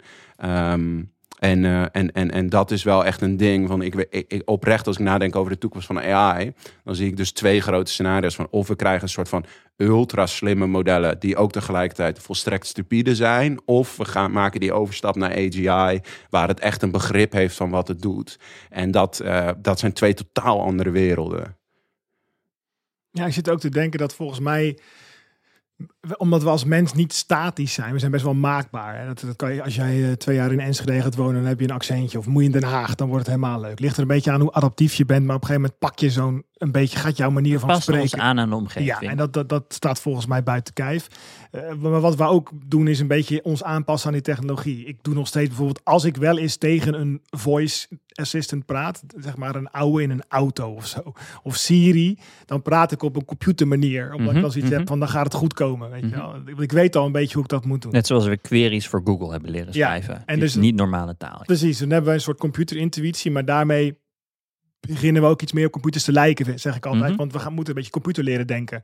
Ehm, de vraag is natuurlijk wat wij, eh, dat vond ik zo mooi aan jouw voorbeeld van eh, de natuurkunde en dan de intuïtie van wereldmodellen en de, en de manier waarop je de wereld ziet. Dan tegelijkertijd, dat ging over mensen, dat ging over leerlingen. Dat je Ja. zei, ik, ja, dat, een jaartal hoeven ze niet per se te weten. Maar dat ze enige intuïtie ontwikkelen voor dynamieken in samenlevingen. En dat er een soort herhaling in die geschiedenis plaatsvindt. Of in ieder geval het rijmt. Hè? Dus dat dat soort, soort macro-patronen leren herkennen, dat is wel belangrijk. En daarom hebben we het soms over feiten, zeg ik, zou ik dan zeggen als docent. Ja. Feiten zijn lekker om uiteindelijk een soort van patronen aan te brengen en wereldbeelden. Eh, of daar vraagtekens bij te kunnen stellen in ieder geval. En dan zeg je tegelijkertijd van ja, maar hebben die, hebben die grote taalmodellen zelf eigenlijk die natuurkundige intuïtie wel? Bijvoorbeeld, Exact, hè? ja. En dat wordt nu heel veel getest hè, door te zeggen: ik heb een balletje op een plank liggen en ik haal die plank weg. Ja. Dan moeten ze zwaartekracht impliceren. Ja. En dat gaat dan goed. En dan zeggen ze: er staat een glas water tussen en dan valt hij daar ineens doorheen. Ja. In het verhaal van die. Van, dus eigenlijk weet hij de natuurwetten niet.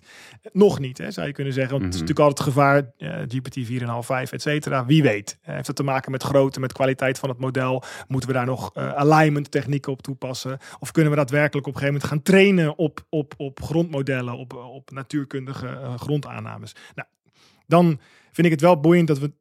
We gooien dat dan al voor de klas. Hè? Dat is nu niet zo. Maar ik weet wel dat veel leerlingen om mij heen, jong en oud, dit Ja, gebruiken. Gebruik het heus wel. Ja, dus en ik- mag het niet. Ma- mag ook even gezegd zijn. Ik wilde nog even toevoegen dat eh, volgens mij eh, in een beetje een eh, vergezochte metafoor. Maar Onno, jij komt binnen en zegt: Jongens, we gaan naar Italië, een fantastisch land. Italië is de plek waar we AI gebruiken in het onderwijs. Alexander zegt hier denk ik al jaren over. Nou, ik wil mee en we gaan doen. Let's go, toch? In ieder geval, Ja. ik ben ook enthousiast. Had ik maar Italië gehad, vroeger kon ik er maar heen. Ik wilde dat. En ik zit er dan zo bij, mol, mol, een beetje zo te mokken. Ja. Van eh, we moeten niet gaan of zo. Ja.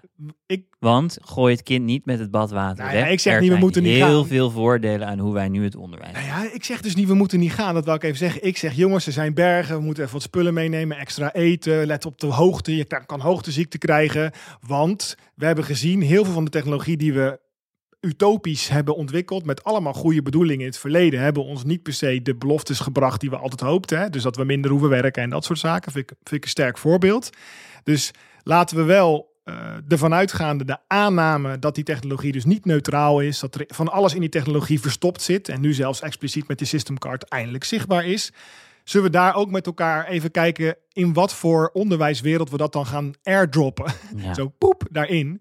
Wat er, maar het is er al. Laat dat even duidelijk zijn. Maar ik ben benieuwd of jullie het nou met elkaar oneens zijn. Of dat jullie gewoon op alleen maar op nuance. eh, nou, elkaar mijn nuance is wel flink. Ja, want ik, ik zit wel een beetje dat ik, dat ik zoiets heb van... Want je- er zijn toch heel veel, er zijn heel veel problemen te constateren met de manier waarop wij nu onderwijs organiseren in Nederland. Dat is toch iets, dat, dat, dat jij daar niet revolutionair van wordt, begrijp ik niet, eerlijk gezegd, Wietse. nou het ja, feit dat, dat kinderen minder goed kunnen leren. Het feit dat, de- dat de verschillen tussen groepen alleen maar groter worden en, en arm en rijk groter wordt. Het feit dat we zoveel bijles, eh, de, de invloed van bijles Ja, wacht, je zegt nu heel veel dingen tegelijk. Ja, er Dat zijn is- heel veel problemen met het onderwijs. En ik denk dus, er zijn heel veel mensen die willen alles een beetje houden zoals het is. En het is een teringzooi. Dus maar waarom, ik, waarom proberen helemaal, we geen nee, grote wacht dingen? Nou ja, omdat ik denk als we die grote dingen proberen te doen zonder ons bewust te zijn van hoe technologie werkt. dat we Natuurlijk ook. Constant. Maar En we gaan- natuurlijk moeten we dat ook doen. Maar, maar dus, de, ik, ik snap niet zo goed. Jij, jij, eigenlijk lijkt je te zeggen, laten we er heel goed over nadenken. Laten we een heel klein beetje dingetjes proberen. Laten we eerst een jaartje de AI laten meekijken en, en constateren wat system prompt eigenlijk is. Dat is een heel behouden manier van, in plaats van het vol overgave erin duiken, denken AI gaat een heel groot, is een heel heeft hele grote potentie voor allerlei dingen die wij willen bereiken, waar we heel lang over moeten praten, over wat dat precies is en welke details. Maar dan gaan we die shit maken en dan gaan we doen in de klas en dan gaan we kijken wat de problemen zijn, dan gaan we die problemen oplossen.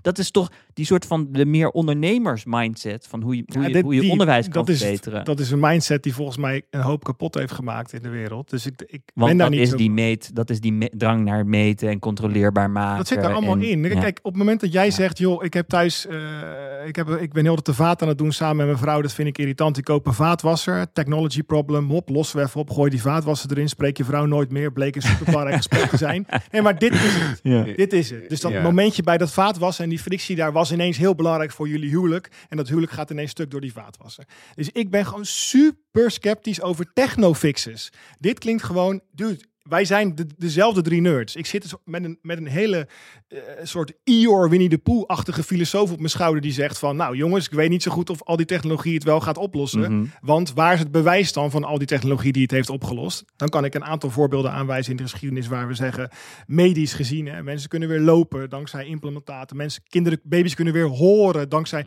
oh wat heb ik een lijst en boeken vol aan fantastische mooie technologie. Dus ik ben super trots op ons als mensen dat we dat kunnen. Dat we onszelf kunnen door onszelf, eh, ja, dat we onszelf kunnen overstijgen met technologie. Tegelijkertijd denk ik, ik vraag me af in hoeverre het onderwijsprobleem wat we nu beschrijven zozeer een probleem is wat we kunnen oplossen met gadgets, stukjes software en Chromebooks. Mooie framing. Nee, maar ik bedoel, de- volgens, want als we die AI daarin droppen, zonder die context van die AI grondig aan te pakken, het, ik denk dus dat het veel meer zit op mensbeeld en de wereld die verandert Ja. en wat we, voor, wat we willen van onze excellente leerling, dan, dat, dan gaat er niet zoveel veranderen. Als ik mag gokken wat jij ervan vindt, oh, dan, dan gok ik dat je gewoon optimistischer hierover bent. Ehm, nou, ik ben in zoverre optimistisch in dat ik denk. Kijk, als ik eerlijk terugkijk naar mijn eigen universiteitsperiode, dan zat ik iets van eh, vier uur per dag naar een podcast te luisteren. Nou, dan op dubbele snelheid, dus dan heb je acht uur podcast per dag. Ik leerde aanzienlijk meer uiteindelijk van al die podcasts dan, dan, dan ik heb geleerd aan de universiteit. En ik heb, dat, dat was echt een goede opleiding. Dus, dus, dus in die zin heeft, heeft technologie mij persoonlijk al gewoon heel veel gebracht. En, eh, en eh, nou ja, je zou ook kunnen zeggen, boeken zijn ook gewoon uiteindelijk een vorm van technologie.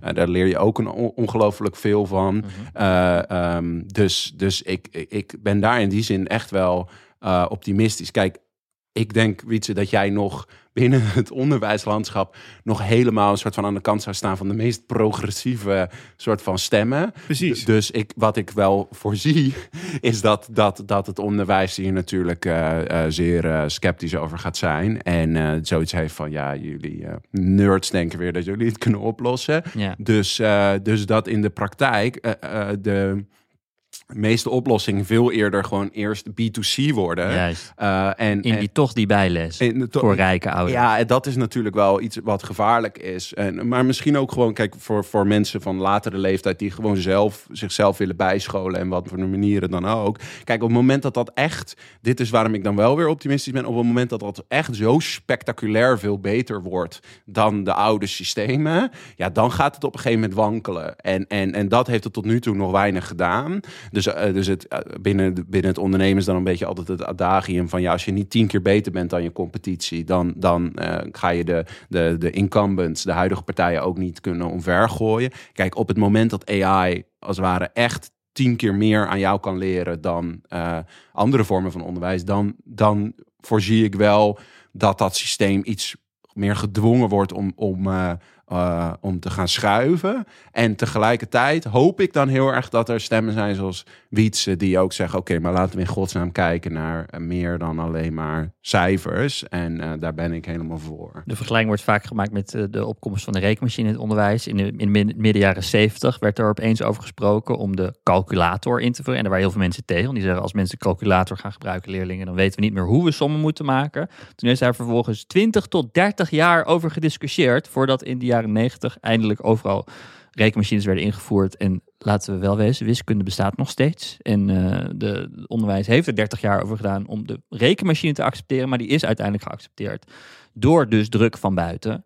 Dat zou AI ook kunnen zijn. Die, die vergelijking eh, die is daar wel. Heb je ergens ook eh, het idee dat die, al die dingen die Wietse noemt, die juist niet met kennisoverdracht te maken hebben, vind je dat AI daar ook een grote rol in moet spelen? Of denk je, houd dit nou tot het domein van kennisdeling, natuur kunnen leren, om het even heel erg plat te slaan? Ehm, ik denk dat da- daarvoor heb ik. Staan we denk ik gewoon nog te vroeg in die soort van. Als ik gewoon nu nadenk over het medium AI of zo. Van, of we hebben dat nu dan via ChatGPT gezien. Ja, dat is duidelijk niet een soort van manier om waar, die heel duidelijk sociale cohesie bevordert of zo. Over het algemeen heeft technologie ook niet echt die invloed. Dus ik, ik zou dan toepassingen moeten zien die, eh, die, eh, van, van iemand die van een, van een AI gevisualiseerd die, die sociale dingen bevordert. Ik, ja, ik kan me dat nu nog moeilijk voor me zien, maar dat is gewoon een gebrek aan vo- voorstellingsvermogen van mijn kant. Maar ik hoor je ook niet zeggen, eh, het enige onderwijs wat er moet zijn, is dat je met een eh, Vision Pro op moet gaan zitten, eh, x uur per dag. En, en daarna is het onderwijs klaar. Dat hoor ik je ook niet zeggen. Nee, Zit daar- absoluut niet. Nee, en ik hoop, ik hoop ook in godsnaam dat we dat niet gaan doen met een virtual reality headset op ons hoofd. Ja. Ja. En, en ik zit ook te denken dat eh, wat betreft jouw voorbeeld dat je zei, ik, ik kon vier uur per dag podcast luisteren. Ik zeg meteen, ik kon het, want dat zou dan in een eh, meer eh, totalitair systeem zou jouw AI zeggen, sorry, die vier uur heb je niet. Als die AI niet in de systemcard heeft staan dat podcasts toegestaan zijn in jouw eh, onderwijsdieet. Just saying. Dus even om aan te geven, daar was dus weer ruimte in het onderwijs om te freewheelen. En dat freewheelen Nee, was dat is uiteindelijk heel waardevol. tijd.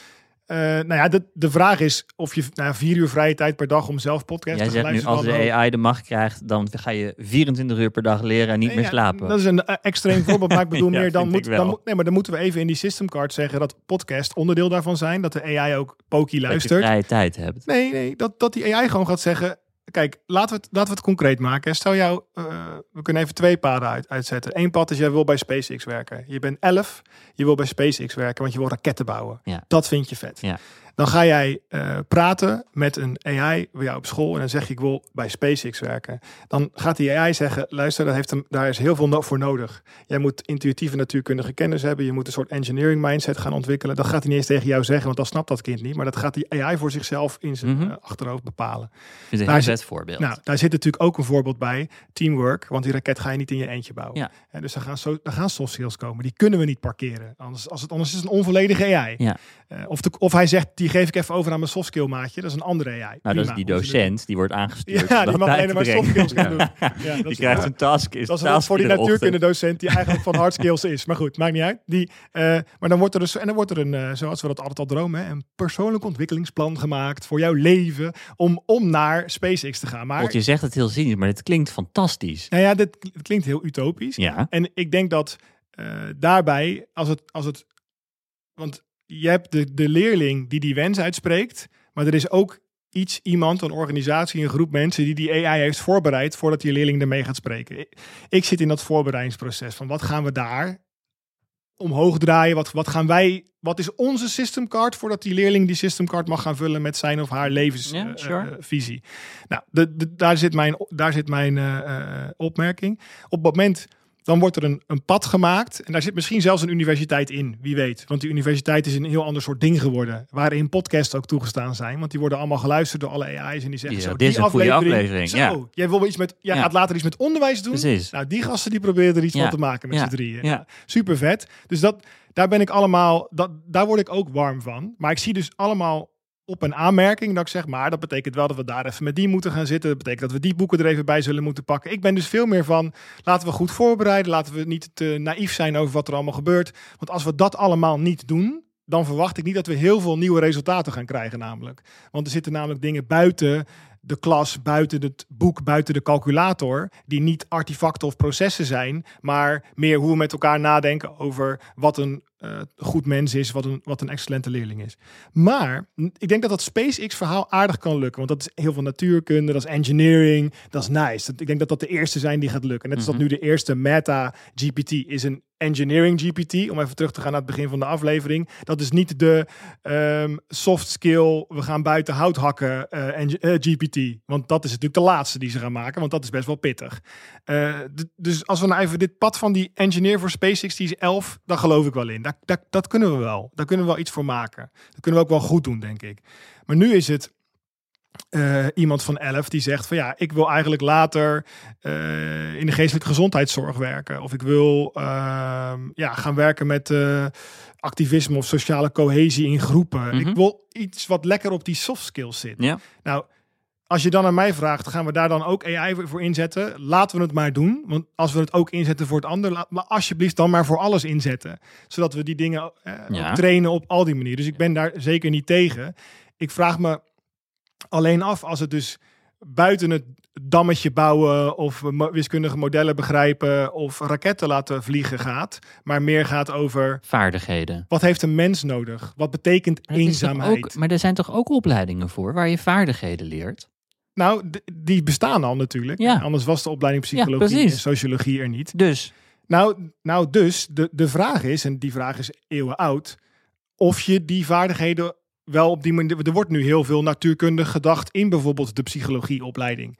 Waarbij eh, evidence-based wordt gewerkt en zo de modellen die in de wiskunde gebruikt worden in de natuurkunde om tot een proof te komen. Zo, nou niet één op één, maar een beetje meegenomen zijn van zullen we wetenschap gaan doen in de sociale wetenschappen. Daar is enorme controverse en tot de dag van vandaag. Want het blijkt ineens best wel pittig te zijn om die kwalitatieve, subjectieve, zachte menselijke dingen te vatten in een model gemaakt om de trilling van een kwarts te gaan meten. Dus ik vraag me wel af eh, hoe geschikt deze AI-achtige oplossingen zijn binnen dat zachte. Daar zit denk ik ook mijn zorg dat ik iets heb van als eh, we die AI gaan introduceren die bijzonder goed is in het bijvoorbeeld, want natuurkunde is geen willekeurig voorbeeld daarin. Denk ik. ik denk dat dat een heel goed voorbeeld is, omdat dat zo goed past. Hè. De volgende versie van brilliant.org of .com, ik weet niet hoe die website heet, dat is natuurlijk Brilliant AI. Dat, dat moet, en eh, voor de luisteraar, dat is een plek waar je intu- intuïtie voor natuurkunde kunt ontwikkelen. Super belangrijk als jij raketten wil laten vliegen en nog veel meer in je leven trouwens. Maar ik vraag me af hoe goed zich dat vertaalt naar die ja, intermenselijke, eh, eh, zachte eh, menselijke interactie. En daarbij heb ik zoiets, als we het dan introduceren, dat we dan dat die excellente leerlingen mogelijk toch een beetje ja, richting dat operatie geslaagd patiënt overleden conclusie gaan trekken. Omdat we hebben op, geoptimaliseerd hebben voor factor ABC en X, Y, Z die zo moeilijk te vangen waren, ja, die zijn eigenlijk een beetje eraf, erbij, die zijn van tafel gevallen als het ware. Die liggen nog ergens op de grond, onzichtbaar. Daar zit gewoon een, eh, eh, toch wel een flinke zorg, omdat ik denk dat technologie met de hoofdletter T, dus echt het grote ding wat over ons heen hangt en om ons heen is, tot nu toe in de geschiedenis van de mens niet heel erg heeft bewezen dat dat goed gaat. Dat gaat zo vaak mis tot nu toe. Waarom gaat het dan nu ineens wel goed? Ja, dat is, dat, is, dat is niet een gegeven. Maar jullie hadden het vorige afleveringen ook over, eh, over bijvoorbeeld v- virtual eh, socialisering. Of een van de vorige afleveringen. Van ja, kan je een bepaalde je ziet twee mensen ergens staan en dan kan jij dit in een soort virtual reality world daar naartoe lopen en noem het maar op, word je gecoacht met hoe, ga je dan zo'n gesprek aan. Ja, dat soort dingen zijn natuurlijk ook wel gewoon mogelijk. En, eh, en eh, ik heb ook zoiets van als we het in een studie psychologie of verpleegkunde, eh, verpleegkunde kunnen leren, dan kunnen we het in die zin ook weer terugbrengen naar oké, wat precies brengen we hier over en hoe gaan we dat interactief of dynamisch eh, doen. En daar, ik hoop dat, dat er goede onderwijspsychologen over, na, over na gaan denken. En laten we dat ook vooral doen. Ehm, maar vanuit first principles, om het zo maar te zeggen, zie ik daar geen hindernissen om, om, om ook dat uh, uh, mogelijk te maken. Ja, ik denk, dat, ik denk dat, het, dat er technisch niet per se hindernissen zijn.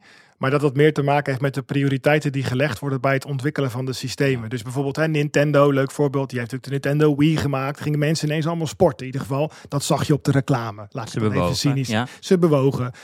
Ja, dan, dan, dan kan je cynisch bekijken en zeggen... joh, er zat iemand bij Nintendo die zag een gat in de markt, namelijk bewegen. En dat, het feit dat mensen bewegen interesseert Nintendo niks. Dat is heel cynisch. Of je kan denken dat Nintendo zei... nou, we hebben een soort maatschappelijke verantwoordelijkheid. Heel veel mensen zitten op de bank te gamen. gamen, ja. Ze moeten gaan bewegen. Dat is een beetje hetzelfde verhaal. Achter de Apple Watch, Mhm. avant la lettre, is het nu in één keer een health ding geworden. Dat, dat Mhm. werkt heel goed. Maar je kunt dus, als je zo'n technologie ontwikkelt, zeggen... zullen we zorgen dat mensen meer naar buiten gaan? Dat staat dan gewoon bovenaan de lijst, of op nummer twee. Dus ik, ik en, en zo kun je ook zeggen in het onderwijs: wat is de rol van de leefomgeving, het bos, gimmen, eh, schilderen, dansen, wat we net allemaal hebben gezegd. Ja, als het niet in de systemcard staat, gaat het niet gebeuren. En die systemcard wordt weer gemaakt aan de hand van de waarden die we met elkaar hebben. En als het daar niet in staat, komt het er zeker niet in. Weet je wat ik zo mooi vind aan, eh, aan, aan AI? En dat- En dat is ook deze, waarom het leuk is om deze podcast te maken. Is omdat je werkelijk ieder onderwerp terug kan werpen op first principles. Ja, maar Ja. ik realiseer me gewoon hoe weinig we daarover praten. We als maatschappij. Er zijn vast allerlei groepjes die hier heel veel over praten. Ja, Maar groepjes. dit, ja. dit, dit, gaat, dit, dit stijgt niet op tot de. Algemeen, het algemene debat. En AI maakt dat urgenter. Maakt het urgenter om opeens te bedenken...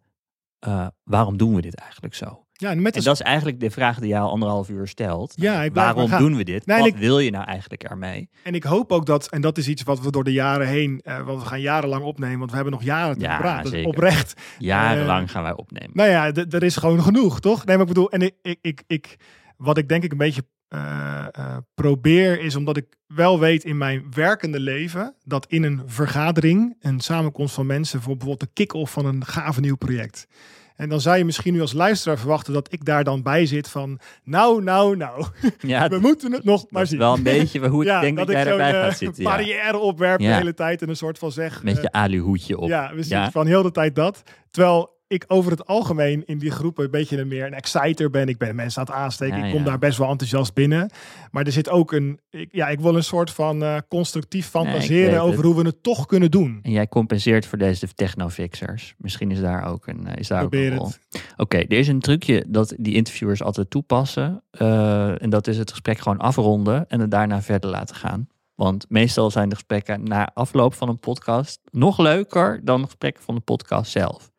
Hoe kijk je nou terug op dit gesprek, Onno? Nou, ik denk uiteindelijk dat Wiets en ik eh, het wel min of meer ook wel eens zijn. Hoeft deel- niet, hè? Nee, nee, Mag nee. het ook nee. Nee, zijn. ik denk eh, eh, gedeeld. Ik deel. Er zit in mij een stuk wat heel duidelijk ziet, soort van wat zijn de barrières. En dit is natuurlijk ook vanuit mijn eigen persoonlijke onderwijsvisie en noem het maar op, zie ik wat er misgaat in het huidige systeem en hoe we dat beter kunnen doen. En zie ik al die menselijke waarden en, en wat daar eigenlijk ja kan. Dat, dat, een- dat we dat echt niet verloren moeten laten gaan en, en in een soort toetsingsdrang kwijt moeten raken.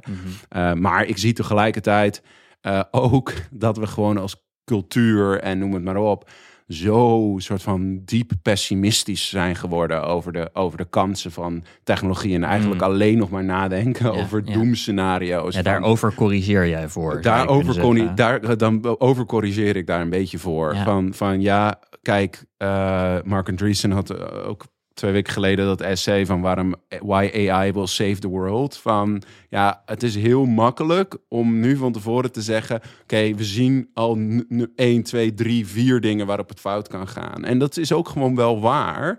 Alleen wat we niet zien, zijn de dingen die nog niet uitgevonden zijn. En als wij 100 jaar geleden, bij wijze van spreken bij de introductie van het vuur, al hadden gezegd: eh, kijk maar, kijk hoe gevaarlijk dit is, Ja, oprecht. En, en, eh, en daar hadden de Grieken hadden oprecht ook gewoon een mythe van Prometheus die gewoon gestraft werd omdat hij het vuur aan de mensen had gegeven. En ze zeiden van ja, maar dit kan eh, totaal misgaan. Ja, wat was er gebeurd met de mensheid als we hadden gezegd bij de uitvinding van het vuur of eh, eh, het wiel of eh, eh, de fiets, maakt niet uit, hadden gezegd van ja, dit, dit is ge- echt gevaarlijk. En, en, en dat is allemaal waar. Alleen ja, de, de, de geschiedenis van de technologie is in zoverre een geschiedenis van dingen die we niet van tevoren konden voorspellen. En daarbij moeten we altijd ruimte laten voor oké, ja, dit kan ook radicaal goed gaan. En in de geschiedenis is het ook vaak gewoon heel goed gegaan. Van, we- niemand wil terug naar 100, 200 jaar geleden eh, voor al die technologie. Nou, Eh, Witse onderdrukt de neiging om hierop in te gaan. Hoe, Ik vind het echt, ik, ik, dit vind ik heel mooi om te horen. Want dan, Oh, dan kunnen, nee, maar dan kunnen wij.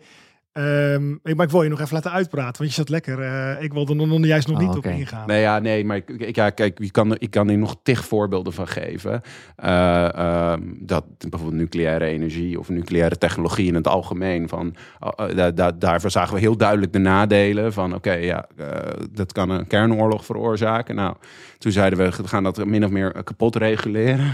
En iedereen was tegen nucleaire energie. Eh, en, eh, en we hadden gewoon min of meer het klimaatprobleem zoals het nu is. Hadden we, echt, hadden, we hadden er echt anders voor gestaan als we nu die nucleaire energie hadden geadopteerd. En goedkopere energie. Maar ik denk dat dit exact de reden is waarom al deze AI-toepassingen... Ik ben het eigenlijk wel heel erg met je eens wat je zegt. Waarschijnlijk gaan we het eerst business to consumer krijgen. Dus Ja. dat allemaal dit soort AI-toepassingen niet gaan komen uit het onderwijs. En niet gaan komen uit uitgevers. Nee. En ik vind dat best wel een depressing gedachte, eerlijk gezegd.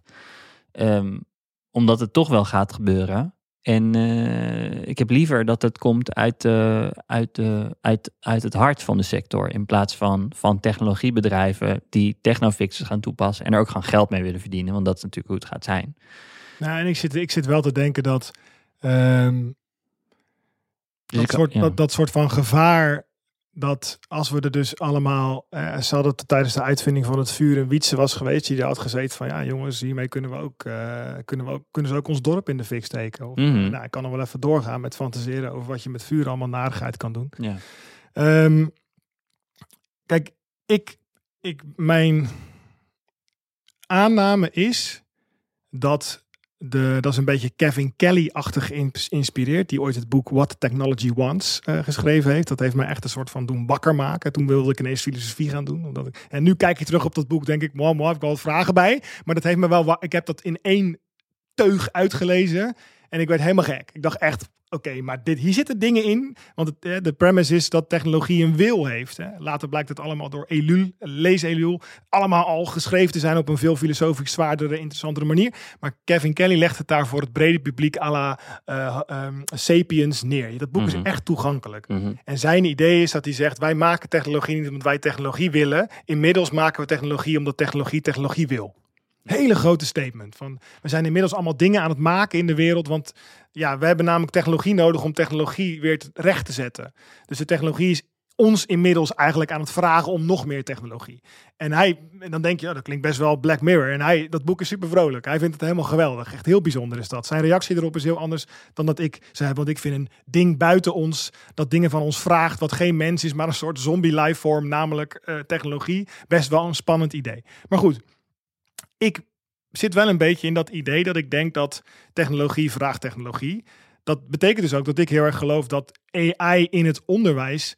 Dat gaat helemaal niet tegengehouden worden, joh. Daar geloof ik echt maar geen reet van. Dus ik denk helemaal niet dat ik hier ook maar iets kan roepen wat het tegen gaat houden, eerlijk. Nee, maar niet om, niet om tegen te zeggen, oh, je hebt ongelijk. Hè, maar meer van, ik denk dat eh, AI in het onderwijs niet meer aanmoediging nodig heeft. Dat hoeft helemaal niet. Mm. Het komt wel, joh. Mm. Het enige wat het nodig heeft, is meer kritische kijk op hoe we het toepassen. Want toegepast wordt het sowieso wel. Mm. Mijn enige boodschap is dat niet als we het toepassen, maar we toepassen het toch wel toe. En als we het met z'n allen gaan tegenhouden op overheidsniveau, dan komen het, komt het op de Chromebooks te staan vanuit de business. Moeten we dat willen? Is wat jij net zegt, Alexander. Ehm, dus mijn boodschap is eh, eh, eh, enkel en alleen. Ik zie een enorme inherent momentum in al deze ontwikkelingen. ik denk dat we daar door blinde angst misschien verkeerde keuzes in kunnen gaan maken. Dus er is wel, en dat meer is er wel invloed.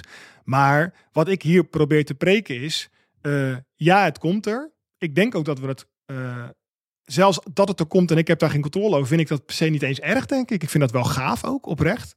Eh, maar ik heb daar wel heel veel vraagtekens bij. Waar ik zeg, jongens, even opletten. Dus nou, maar dat verklaart, dat verklaart wel veel van wat je zegt. Want ja, want ik zit bij het vuur, had, zou ik ook hebben gezeten van ja, ik zie hem, dit moeten we doen. Nee, maar ik denk dat deze hele sector gevuld is met mensen die. De, ik, ik, ik, ik, kom uit de wereld van de uitgevers. Dat zijn ook, dat zijn ook, uh, geen, dat zijn ook geen bedrijven die snel bewegen. Naar het onderwijs, als ik, als ik, als ik probeer te bedenken wat nou een conservatieve beroepsgroep, dan staat onderwijs toch ook wel erg bovenaan het lijstje. Dus ik denk tegenovergestelde. Ik denk dat dat, dat dat helemaal niet de neiging heeft om te bewegen. Zoals dat ze 30 jaar hebben geluld over of ze een rekenmachine moeten invoeren.